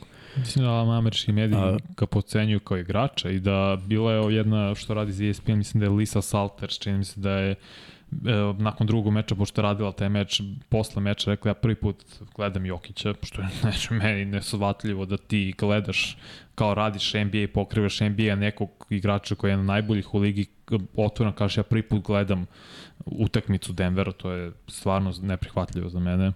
I kažem, ovaj stvarno čovjek je neverovatan. U tome je problem što većina tih eksperata, ljudi što su na ESPN-u, Foxu, gde god, ne gleda sve utakmice, nego prate košarkaške priče. I naravno da ne znaju koliko je Jokić dobar sve dok on ne, ne, ne, ne ode duboko u play-offu. I za drugi igrače isto, nije to vezano samo za Jokić. Tu imaš i niz drugih igrača takođe za koje ne znaju sve dok se ne, ne pravi nešto u play-offu. Ne pričaju Jimmy Butler u regularnom delu sezone. Isto. I još o nekolicini igrača. Ma da, ma dobro. Prate naraciju, prate priču i to je problem. Zato se i glasanja za All-Star i za All-NBA budu takve zato što ne prate sve utakmice. Ja dočekam da vidim nas u regularnom delu sledeće sezone kad ne budemo gledali sve ove krš tekme koje se igraju. Pa, nećem, naravno, nećemo stići gledamo sve utakmice, pa, ali makar da ću ispratiti sve, ako ništa, box score ili highlight i znam da. o čemu se radi, znam koga kako igra. A neću da, da. biti striktno fokusiran na Lebrona ili ne znam koga. Ja. Off topic pitanje da li u Evropi treba uvesti defanzivne 3 sekunde. To bi promenilo evropsku košarku i mislim da ne, ne. treba da bude razlika i bit će uvek razlika. Neka pravila će biti različita, to, cilindar. I to mi se ne sviđa, to smo pričali. Dobro, za cilindar ja te kapiram, mnogima se ne sviđa, ali to će uvek biti različito. Osim, NBA samo može da usvoji evropsko pravilo, ali Evropa uh mhm. -huh. ne, neće ovaj, dirati to pravilo. Uh, da vidimo dalje, da vidimo dalje. Znate li koliko ozbiljna povreda KCP-a, to može biti ključan podatak za tu seriju, pa da je nešto ozbiljno, pričali bi o tome, ali da. nisam pročitao nigde da je ozbiljno. Inače, Vembanjama će izgleda trenirati sa Tim Duncanom, fenomenalno. Sredio brat Tony. uh, da, to je manje važno. Pa, vidim što ovde pišete da mediji u USA vole fizički igrače koji, kao vidi se muskulatura, definicija i sve to, ma voleli su oni šeka onako masnog kakav je bio u onim sezonama. Znači, Sean Kemp je bio prvo isečen, da nije moglo biti isečenije dok nije... Da, e, da. moj srki, brate, pa...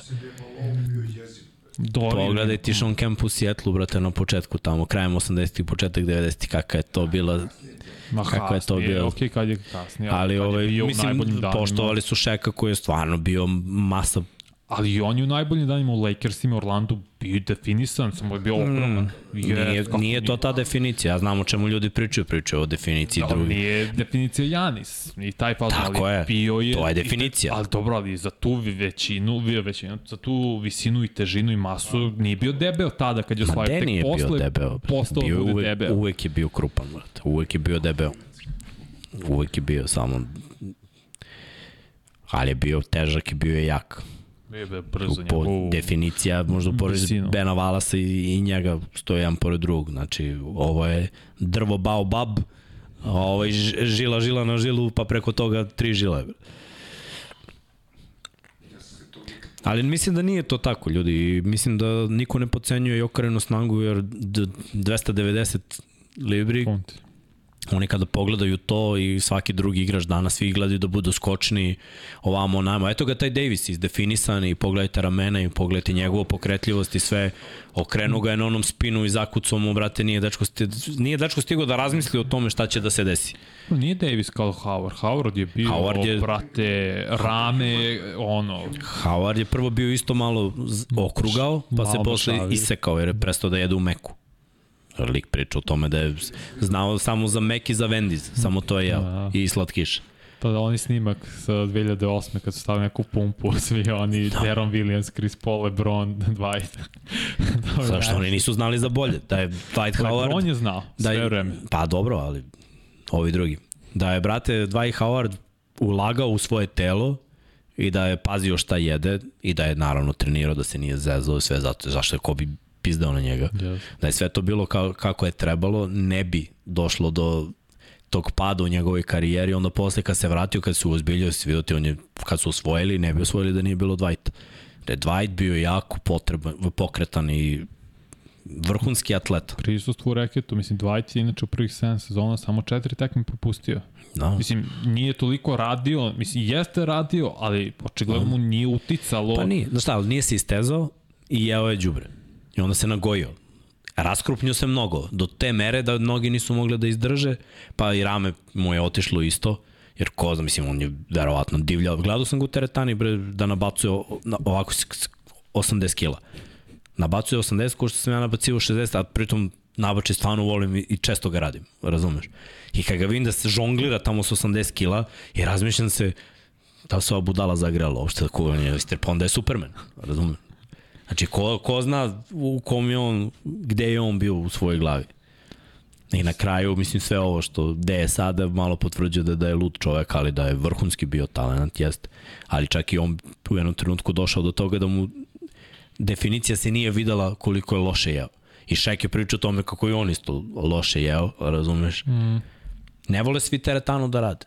Neki rade teretanu da bi bili eksplozivni, ti pogledaj Janisovu definiciju, ono je surovo, brate. Ispravi se tu, ne vole svi da vode računa o tome šta jedu. Vole teretanu, Tako vole je. trener. Ne vole da vode računa, Pa- iskreni. Možda ne vole, ali rade da bi bili bolji. Ne vole svaku teretanu. Ok, to je pošteno. Neko voli. Ne, ne, nekom nije dan kad ne ode u teretanu. A neko odri teretanu da bi bio bolji na terenu. Kapira, ok, to je usko povezano. A neko živi ono za tego. Neko se primi. Nek, neko tek spozna to u životu. Si vidio majka Bibija kakav je sad kad je Yes. vrtu. Pre napomala. Brothers- On se pričao da mu nisu dozvolili da radi Da. s većom kilažom i sve to je Borazer spava u teretani. Mike Bibi je kao Austin Eckler. Yes. Ha? Jeste Bibi, da. Uh, da vidimo, da vidimo, da vidimo. Šta mislite da Evropa treba da kopira od NBA? Način treniranja i uslov. To je drugo, da li imaju to, treba kopiraju kako znaju i umeju. Bravo, Mislim, Vanja. Italija to radi i ima ovo, kako se zove, Team Astra, nešto u Rimu, oni imaju mnogo lep ovaj team facility, sve, oni baš rade na visokom nivou, dobro, ovi ostali timovi, naravno Real Madrid, to, ali uslovi i način treniranja, ništa više. Ništa, ništa više. Što se tiče igra, ništa. No. Verujete li da Lakersi mogu da okrenu? Ja ne. Nije, ja nadam se da neće. Nadam se, volao bi da vidim Denver u finalu. Volao bi da vidim novi igrače da osvajaju, da se menja priča, da dolazi nova generacija, to fali, da, znači, da ne bude opet Lebron za petu titulu ili kogod, ili Steph Curry petu, nevažno je, nego da ima novi igrači, da možda bude ja, uh, ili Tatum prva, ili Jimmy prva, ili Jokić prva, na, da se oko toga stvara priča, jer Janis već ima jednu, od ove nove generacije jedino Janis ima titulu. Dušan Mladenović nam donira, kaže za Burek i Kocu dok gledamo Jokića. Čekaj, imam ja pitanje. Reci, Srki ima pitanje. To preko veze sad upadaš tu u Da, da. pitanje. Ajde. Razmišljam dok je Vanja pričao, brate, zbog čega u NBA-u igrači, igrači duže ostaju verni klubu, a u Evropi se faktički posle jedne sezone selu neki ili dve sezone, maks selu. Pare. Pa ni u NBA ne ostaju toliko. Srki pitao za, zašto u Evropi manje ljudi ostaju u jednom klubu, u NBA-u više. Ajde da kažemo ovako, NBA je siguran biznis. Sigurno U, ste u ti, ti, ba nije samo, sigurno i franšiza. Jer čak i da ode iz grada, ta franšiza je samo na nekom drugom mestu. Tako je. E, Mnogo je veći plan, mnogo je sigurniji biznis. U Evropi čak i šampioni nekih zemalja mogu da nestanu. U principu, ti imaš neke ekipe, evo pogledaj, evo, evo pogledaj u Italiji pre 20 godina koji su bile ekipe, nekih nema. Montepaschi, na primer. Da, ne, nestane, ugasi se. brutalan. Ugasi se. Neko ko je bio vlasnik, kaže, meni se ovo više ne isplati. I samo ugasi tim. To je to. Gubite i to je to, ugasit ćemo za godinu, dve. Uh, ko ostaje? Opstaju ono, najveće ekipe. Ti u NBA-u nemaš tu priču. Imaš mnogo veću sigurnost. Drugo, ti ako nisi igrač iz te zemlje, ti opet nisi siguran. Znaš, evo pogledaj i, i naše ekipe u jednom trenutku, kad sam ja bio klinac, Zvezda je bila pri ispadanju iz lige. Yes. kao, kao šampion, mislim, pa se, šta se sve izdešavalo posle godinama, pa ono, sankcije, sve. Ti znaš da, ovde možeš da imaš hiljadu problema. Evo, gledaj, prošle godine ja radim Euroligu, Eurocup, radio sam sve ruske timove, ja bio sam zadužen za ruske tekme, pa, rat, sankcije, nema toga. Znaš, kada ću NBA-u to da se desi? Nikad. I onda, i, znaš, i, a bilo je po 5-6 Amerikanaca i igrača iz Evrope u tim timovima. I oni, znaš, moraju da idu. Ti ovde imaš neku sigurnost. Mislim, Yes. imaš sigurnost s jedne strane, mm -hmm. s druge strane, ako imaš dobrog agenta, i on uvek može da ti sredi da odeš do ovamo, da odeš ovamo, da se oprobaš ako si talenat, možeš da ostaneš i jednostavno je drugačije. Nisu verni baš ni u NBA-u, brate. Isaiah Thomas je dao, brate, po 30 poena, igrao dečko na danka, mu je sestra poginula i sledeće godine su ga šutnuli. I umeju oni da budu džukele. Jer to je sve stvar... Jes, Da. to je sve stvar biznisa. NBA pre Magica i Larry Birda bio pred bankrotom. Ne, bukvalno, bili su pred gašenjem i raspadom, zato što je, su im falile super zvezde, on se desio Magic Johnson, Larry Bird, onda je došao Michael Jordan onda je to postalo globalna igra i biznis, samim tim pare, prihod, se povećao na taj nivo da su vlasnici bili fazonu, ok, imamo recept sada, i sad ćemo samo da povećavamo i unapređujemo naš brend, jer NBA je privatna liga, kao što i Euroliga.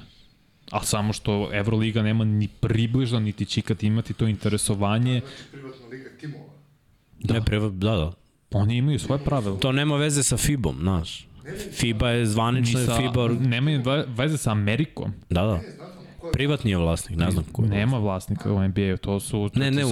NBA je da, na, Euroliga ima. a Euroliga ima vlasnika, privatno je, Mislim da je presne da li ovi vlasnici Turkish Airlinesa ili ne, ne znam, možda lupete. No, oni su glavni sponzori. pripada klubovima. I to je Tako je, kao NFL. Kao NFL, brat. Svaka njihova liga nije, ti imaš komesara, razumeš, i, i, i to je to. zapošljavaju vlasnici. je igrao ceo život u Bostonu. Ko? Larry. Dobro, Larry je, ali to je stara garda i Paul Pierce i, i mislim posle je otišao. To, to, je, O- opet je to nekad bilo, Srki, isto kao u NFL-u. U 90-ih su svi igrali za jednu ekipu, ali sad ne. Da. Sad nemaš igrača koji je Dirk i Kobe su posljednji koji su čitavu karijeru igrali i Dunk. ce, i, i tim Duncan u, u jednoj ekipi. Svi ostali su imali ono, e, ako ćeš da ostaneš samo u jednoj ekipi, povuci se, znaš, ono, penzioniši se, inače te šaljemo dalje. Onda je na tebi odluka, povlačiš se i ideš dalje. Pa su Ginobili, Parker odlučili da idu na penziju. Dobro, Ginobili je ostao sve vreme, mislim, nije išao onda. Nije, nije, nije, oni Parker, Parker. je otišao u Charlotte. Da. Jeste, Charlotte zbog Dejonte Mare. Ali je bio ultimatum, brat. Jeste, jeste. Penzija jeste. ili. Mislim, Haslem, evo, 20 godina u Miami, ali stvar je u tome što opet u NBA imaš ugovore od 4 godine ti to ti je prvi ugovor. Ako si prva runda, ako si druga, mislim da je dve. Ti posle četvrte godine dobiješ ugovor Ne, ne, ne, ne, ne. Ti kad uđeš u NBA, kad si draftovan, prva runda, Pa kao u NFL-u, ugovor ti je 4 godine. Za drugu rundu mislim da se to govaraš i da je dve, ali nije važno. Nakon toga sledeći ugovor ako si dobar ti je 5 godina.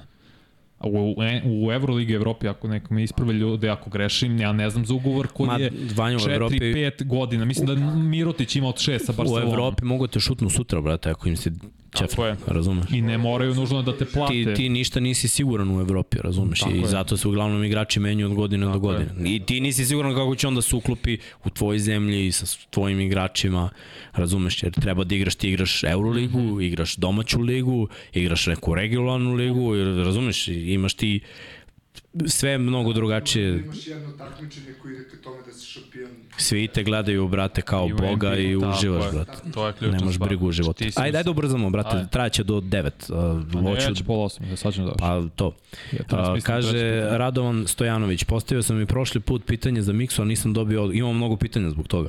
Melon je dao prošloj šansu Regiju, pošto je Christian Brown baš loš napadački, da li stvarno Regi može da dobije šansu da menja Mare? Dao je šansu Regiju, ali Regi, 3 minuta igra. ništa, mislim, ta šansa koju on dobio je čisto malo da popuni minute, moje mišljenje. Ja mislim da Regi može, Regi je jako dobar igrač ofanzivno, ali ne, nije dobio dovoljnu šansu. Šta ćeš ti za 3 minuta da uradiš? Šta ćeš da uradiš i za 10 minuta? Mislim, ti nisi u rotaciji, nemaš tu neku slobodu, tako da mislim da nema ništa od Regija. U, uopšte u ovom playoffu, jer ako mu nije davao šansu onim prvim serijama, sumnjam da će mu davati i dalje. Uh, je li Michael Malone bio u Sacramento pre Denvera? Ne mogu da se setim da je bio Michael Malone pre Denvera. Možda. Evo sad ću da kucam pa ću da... kuci. Ja smišljam pitanje sada. Uh, Sećaš se nešto. da, jesi ispratio Euroligu? Da, nisam vidio sam da je Real izvuku protiv Barse pobedu, ali da je Olimpijakos ima neku protiv, brutalnu seriju protiv Monaka, nešto pred, Da. u četvrtoj. Pa dva poena u četvrtini, kako da, komentariš? Da, 27 2, kako to je to je institucija Olimpijakos. Nisam, ne, mislim, ne mogu verujem da je tim gde Mike James igra postigu za četvrtinu, to je moguće dva poena. Sve je moguće, brate. To mi je neverovatno stvarno. Biće fenomenalno finale. Žao mi je što jer je Partizan trebao da igra Final Four, iskreno. Bio je u Kingsima, Melo. Eto, to mi je baš žao i što Real ako osvoji, to je, mislim, i nepravda je, iskreno. Baš, baš je nepravda. Uh, da li nam je drago zbog Vembanjame kod Grega Popovića? Jeste. Pa dobro, ja sam rekao kako bi ja napravio plan. Greg da bude dve godine, da ima svog naslednika koji je jedan od pomoćnih trenera, koji će usko povezan biti sa Vembanjamom i da nakon dve godine taj čovek kogoda je ne znamo, preuzme tim i samim tim već ima na uh, oforme, ovaj, već je napravio hemiju sa Vembanjamom i on će postati novi glavni trener Sparsa i predvoditi ih. Neće biti to kao što je sa Duncanom bilo da uzmu titul njegovoj po u prvoj ili drugoj godini ili sa Ma da, David Robinsonom kakvi, u 30 play-off plus pobeda u, u prvoj godini više, ne, znaš, neće toga biti. To je činjenica. Treba 4-5 godina se razviju lepo igrače. Uh, hoće li kad Meloni i ostali treneri Nagica naučiti da menjaju i prilagode taktiku u toku utakmice, a ne tek za sledeću? Pa pazi, bilo je dosta kad je Melon tražio samo od igrača za laganje, nije ni morala se menja taktika, samo da prestanu da bleju u nekim trenucima i da daju 100%. Ali to prilagođavanje taktike ti jednostavno, ja mislim da da veruješ u to što radiš, veruješ u to što si postavio i veruješ da će te to dovesti do uspeha, naročito u tim prvim mečevima. I ovaj, s obzirom da čovjek ima 2-0, ne bih baš da preispitujem koja mu je taktika. U prvoj su razbili Lakers, u drugi su okrenuli utakmicu. Znači dve različite tekme, dve različite taktike i obe su prošle. De defanzivna taktika mene više ovaj, zanima nego ofanzivna taktika, jer mislim da za ofanzivne igrače imaju više slobode da kreiraju, imaju više slobode da improvizuju nešto, a defanzivno nema tu improvizacije. Mislim, ti u principu samo treba budeš disciplinovan i da radiš svoje, da znaš da je dobra Da. komunikacija i da znaš šta radiš. E, tu se dešavaju neki problemi. Mada na poslednjoj utakmici i ne toliko za Denver. Može pitanje, može free bet pitanje, hoćeš još par ovih prvo. Ajde da vidim još neko. Kažu da si ESPN baš smorio posle pobede Denvera, Jalen umalo da zaplače. Neka plače. Uh, Evo, pitaju nas ovde za neke najbolje petorke 90-ih, 2000-ih i 2010-ih. Ajde, Vanja, prvo daj pitanje pa da idemo dalje. Svaka čast ljudi, baš, vas je, baš ste se ovaj, s pitanjima pojačali. Top, top. Odgovorit ćemo na većinu. Treće, Admiral Bet Free Bet pitanje za 5000 dinara glasi koliko je puta Jason Kidd igrao NBA finale? Lepo. Dobro pitanje, dobro pitanje. Ko prvi tačno odgovori? Čak nisam ni siguran da, da znam ovo, ali jedan od ta dva je tačno. Da. Kad budeš krenuo da čitaš ovo, ja ću ti reći šta je tačno.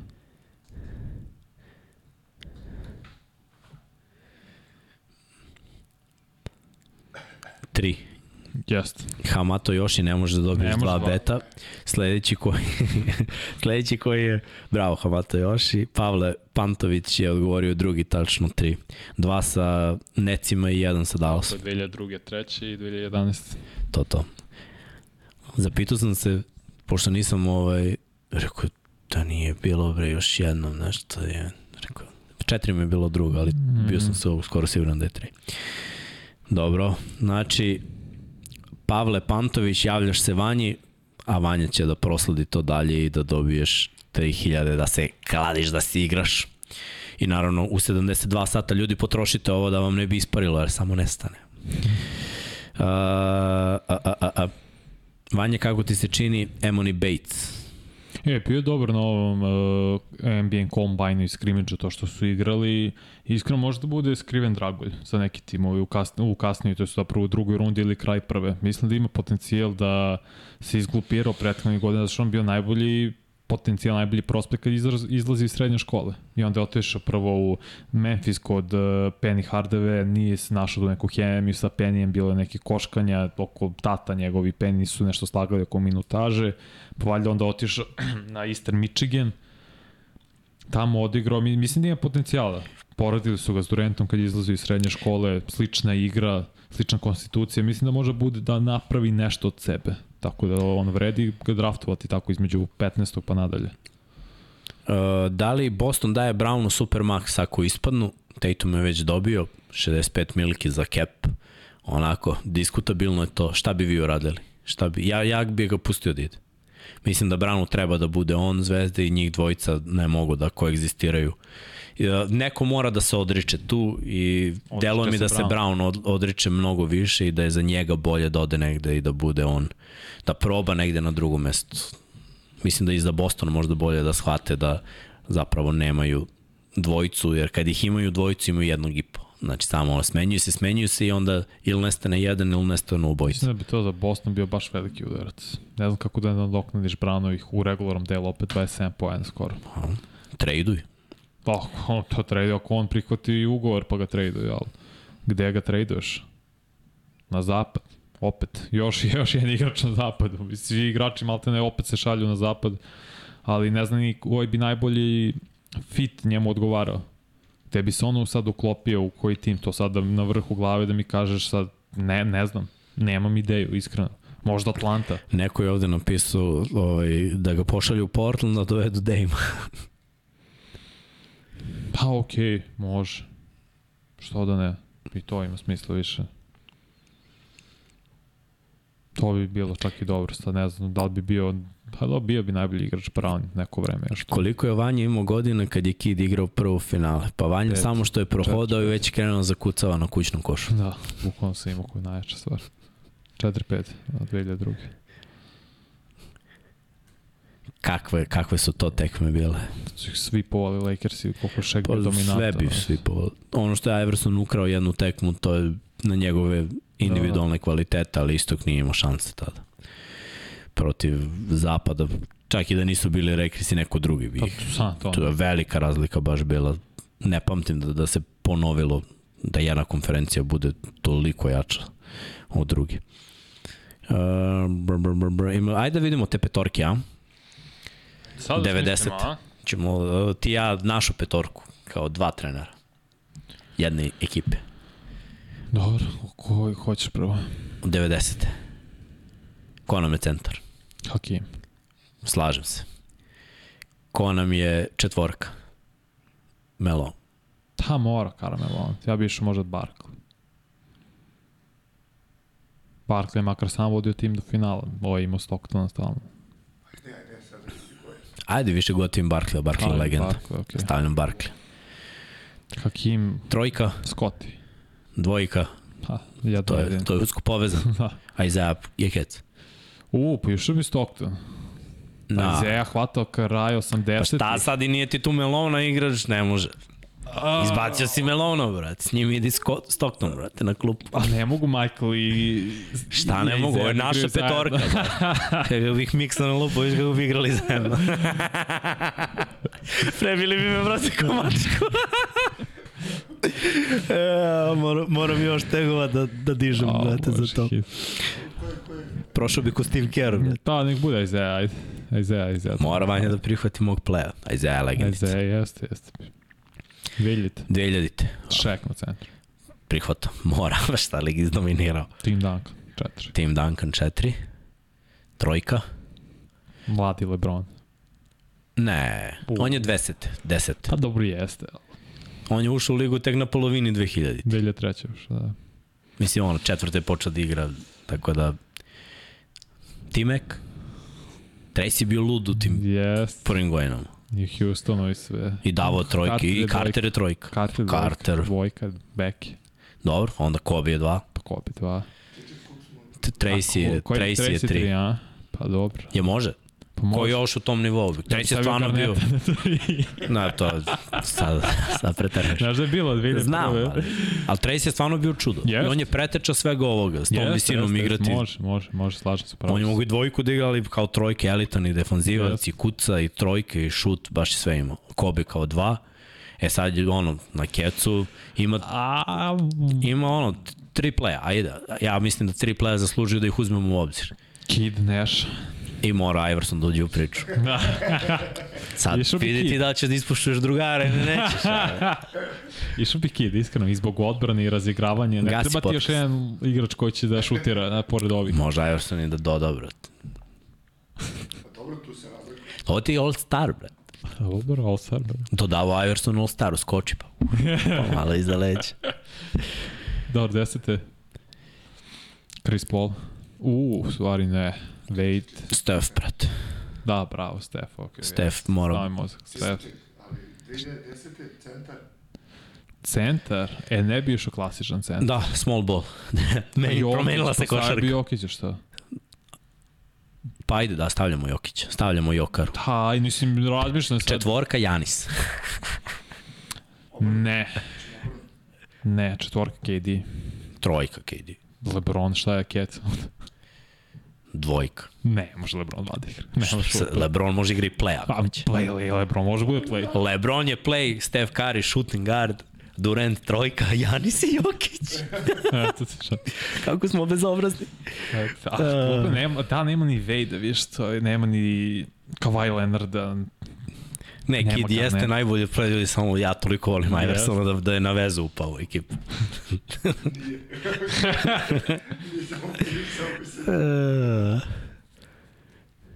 Dobro, dobro, dobro.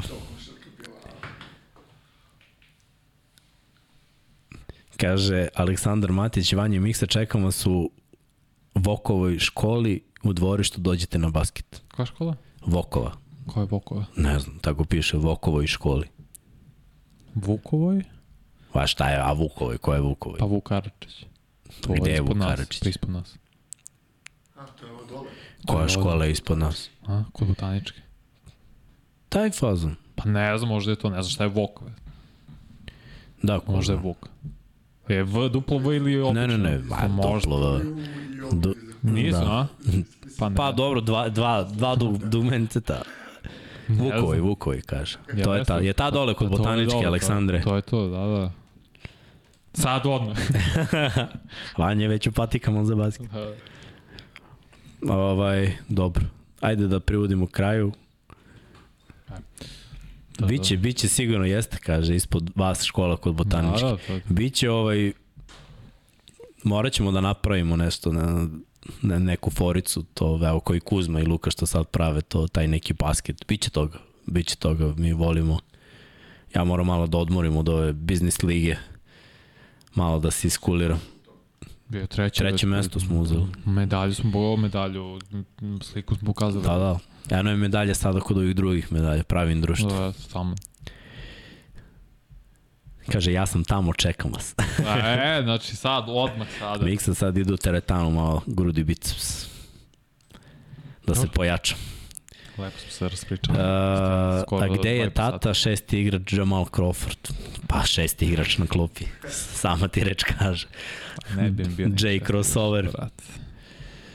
Jedan od najboljih, brate. Kakav, kakav doktor. Dobro, ajde da kažemo, da kažemo da je to to. Uh, hvala vam ljudi još jednom što ste ovo ispratili, preko 200 lajkova, bilo vas je preko 300 u live-u, još jednom da ponovim za sve vas uh, koji ste se naknadno uključili, a niste videli početak. Lajkujte, budite naši članovi na YouTube-u, subscribeujte se ako niste, vama to ne znači puno, a nama znači, vama je to jedan klik, uh, isključite notifikacije ako hoćete, ne spamujemo, nemamo neki ludački sadržaj, ovo su sportski, sportske emisije, radimo NBA, NFL, automoto sportove, imate tu i waterpolo, sve možete da pogledate. Uh, takođe bi vas pozvao da nas podržite ako ste u mogućnosti kao naši pokrovitelji na Patreonu. I to bi bilo to što se tiče ove emisije. Pitaju nas ljudi za neki veliki trade, imaćemo mi, Vanja i ja volimo te teorije ludosti i to ćemo sve kad se završi sezona, pravit ćemo neka ludila, ali eto, ostavit ćemo to, još jednom da najavimo da dve utakmice se igraju sledeća dva dana, mi ćemo u ponedeljak da radimo nakon što se te dve utakmice odigraju, znači večera, subota na nedelju, pola tri, Denver Lakersi u Los Angelesu, pa onda uh, sledeće nedelja, na ponedeljak opet pola 3 u Miami, u Miami hit protiv uh, Boston Celticsa i onda mi u ponedeljak Srki u 6, a? E, može. Eto, Srki je tu na odmoru i mi u ponedeljak vidimo i pričamo o tome šta će biti dalje, pa naravno uvijek imamo ovaj segment sa, sa pitanjima i odgovorima, eto tamo da ispoštujemo malo i vas. Imamo u sredu onda posle. Pa da. Eto, Vanja hoće da, da, da ovo rokamo ovako. To, Da. to možda, pošto imamo u obavezu 8 i 15, to možda ovaj bude Malo To, to, to. to. to ranije možemo krenuti. Pa ako si na odmoru, možemo i ranije da krenemo. Tako da, da, da je easy money. Ljudi ovde prate koliko vidim i e, baš mi je drago što, što imamo skoro na svakom ovom novijem preko 10.000 i eto da kažem kao kanal smo prešli 25.000 subscribera, ali nije to kraj, idemo dalje, idemo dalje. Ja baš mislim da, da ovo što radimo kvalitetno i hoću da imamo što više ljudi koji prate. Mislim da je dobra neka energija, vidimo u chatu uvek da je dobra energija, da pratite košarku, da se dopisujete, da, da nema nekog hejta, da baš nam prija da ovo radimo i još jednom da, da pozdravimo Admiral Bet. Uh, dali smo tri free beta, ako niste osvojili ni jedan, a nemate nalog, napravite i dobit ćete 2000 dinara uz kod 1 na 1 kada napravite. Tako da, eto, možete vi da se igrate, imate neke utakmice i večeras i sutra, tu je naravno i Final Four. Tako da, pucite, uživajte i do ponedeljka. Veliki pozdrav iz Infinity Lighthouse studija, Srki, puštaj Patreone da pozdravimo ljude koji nas podržavaju. Ćao svima!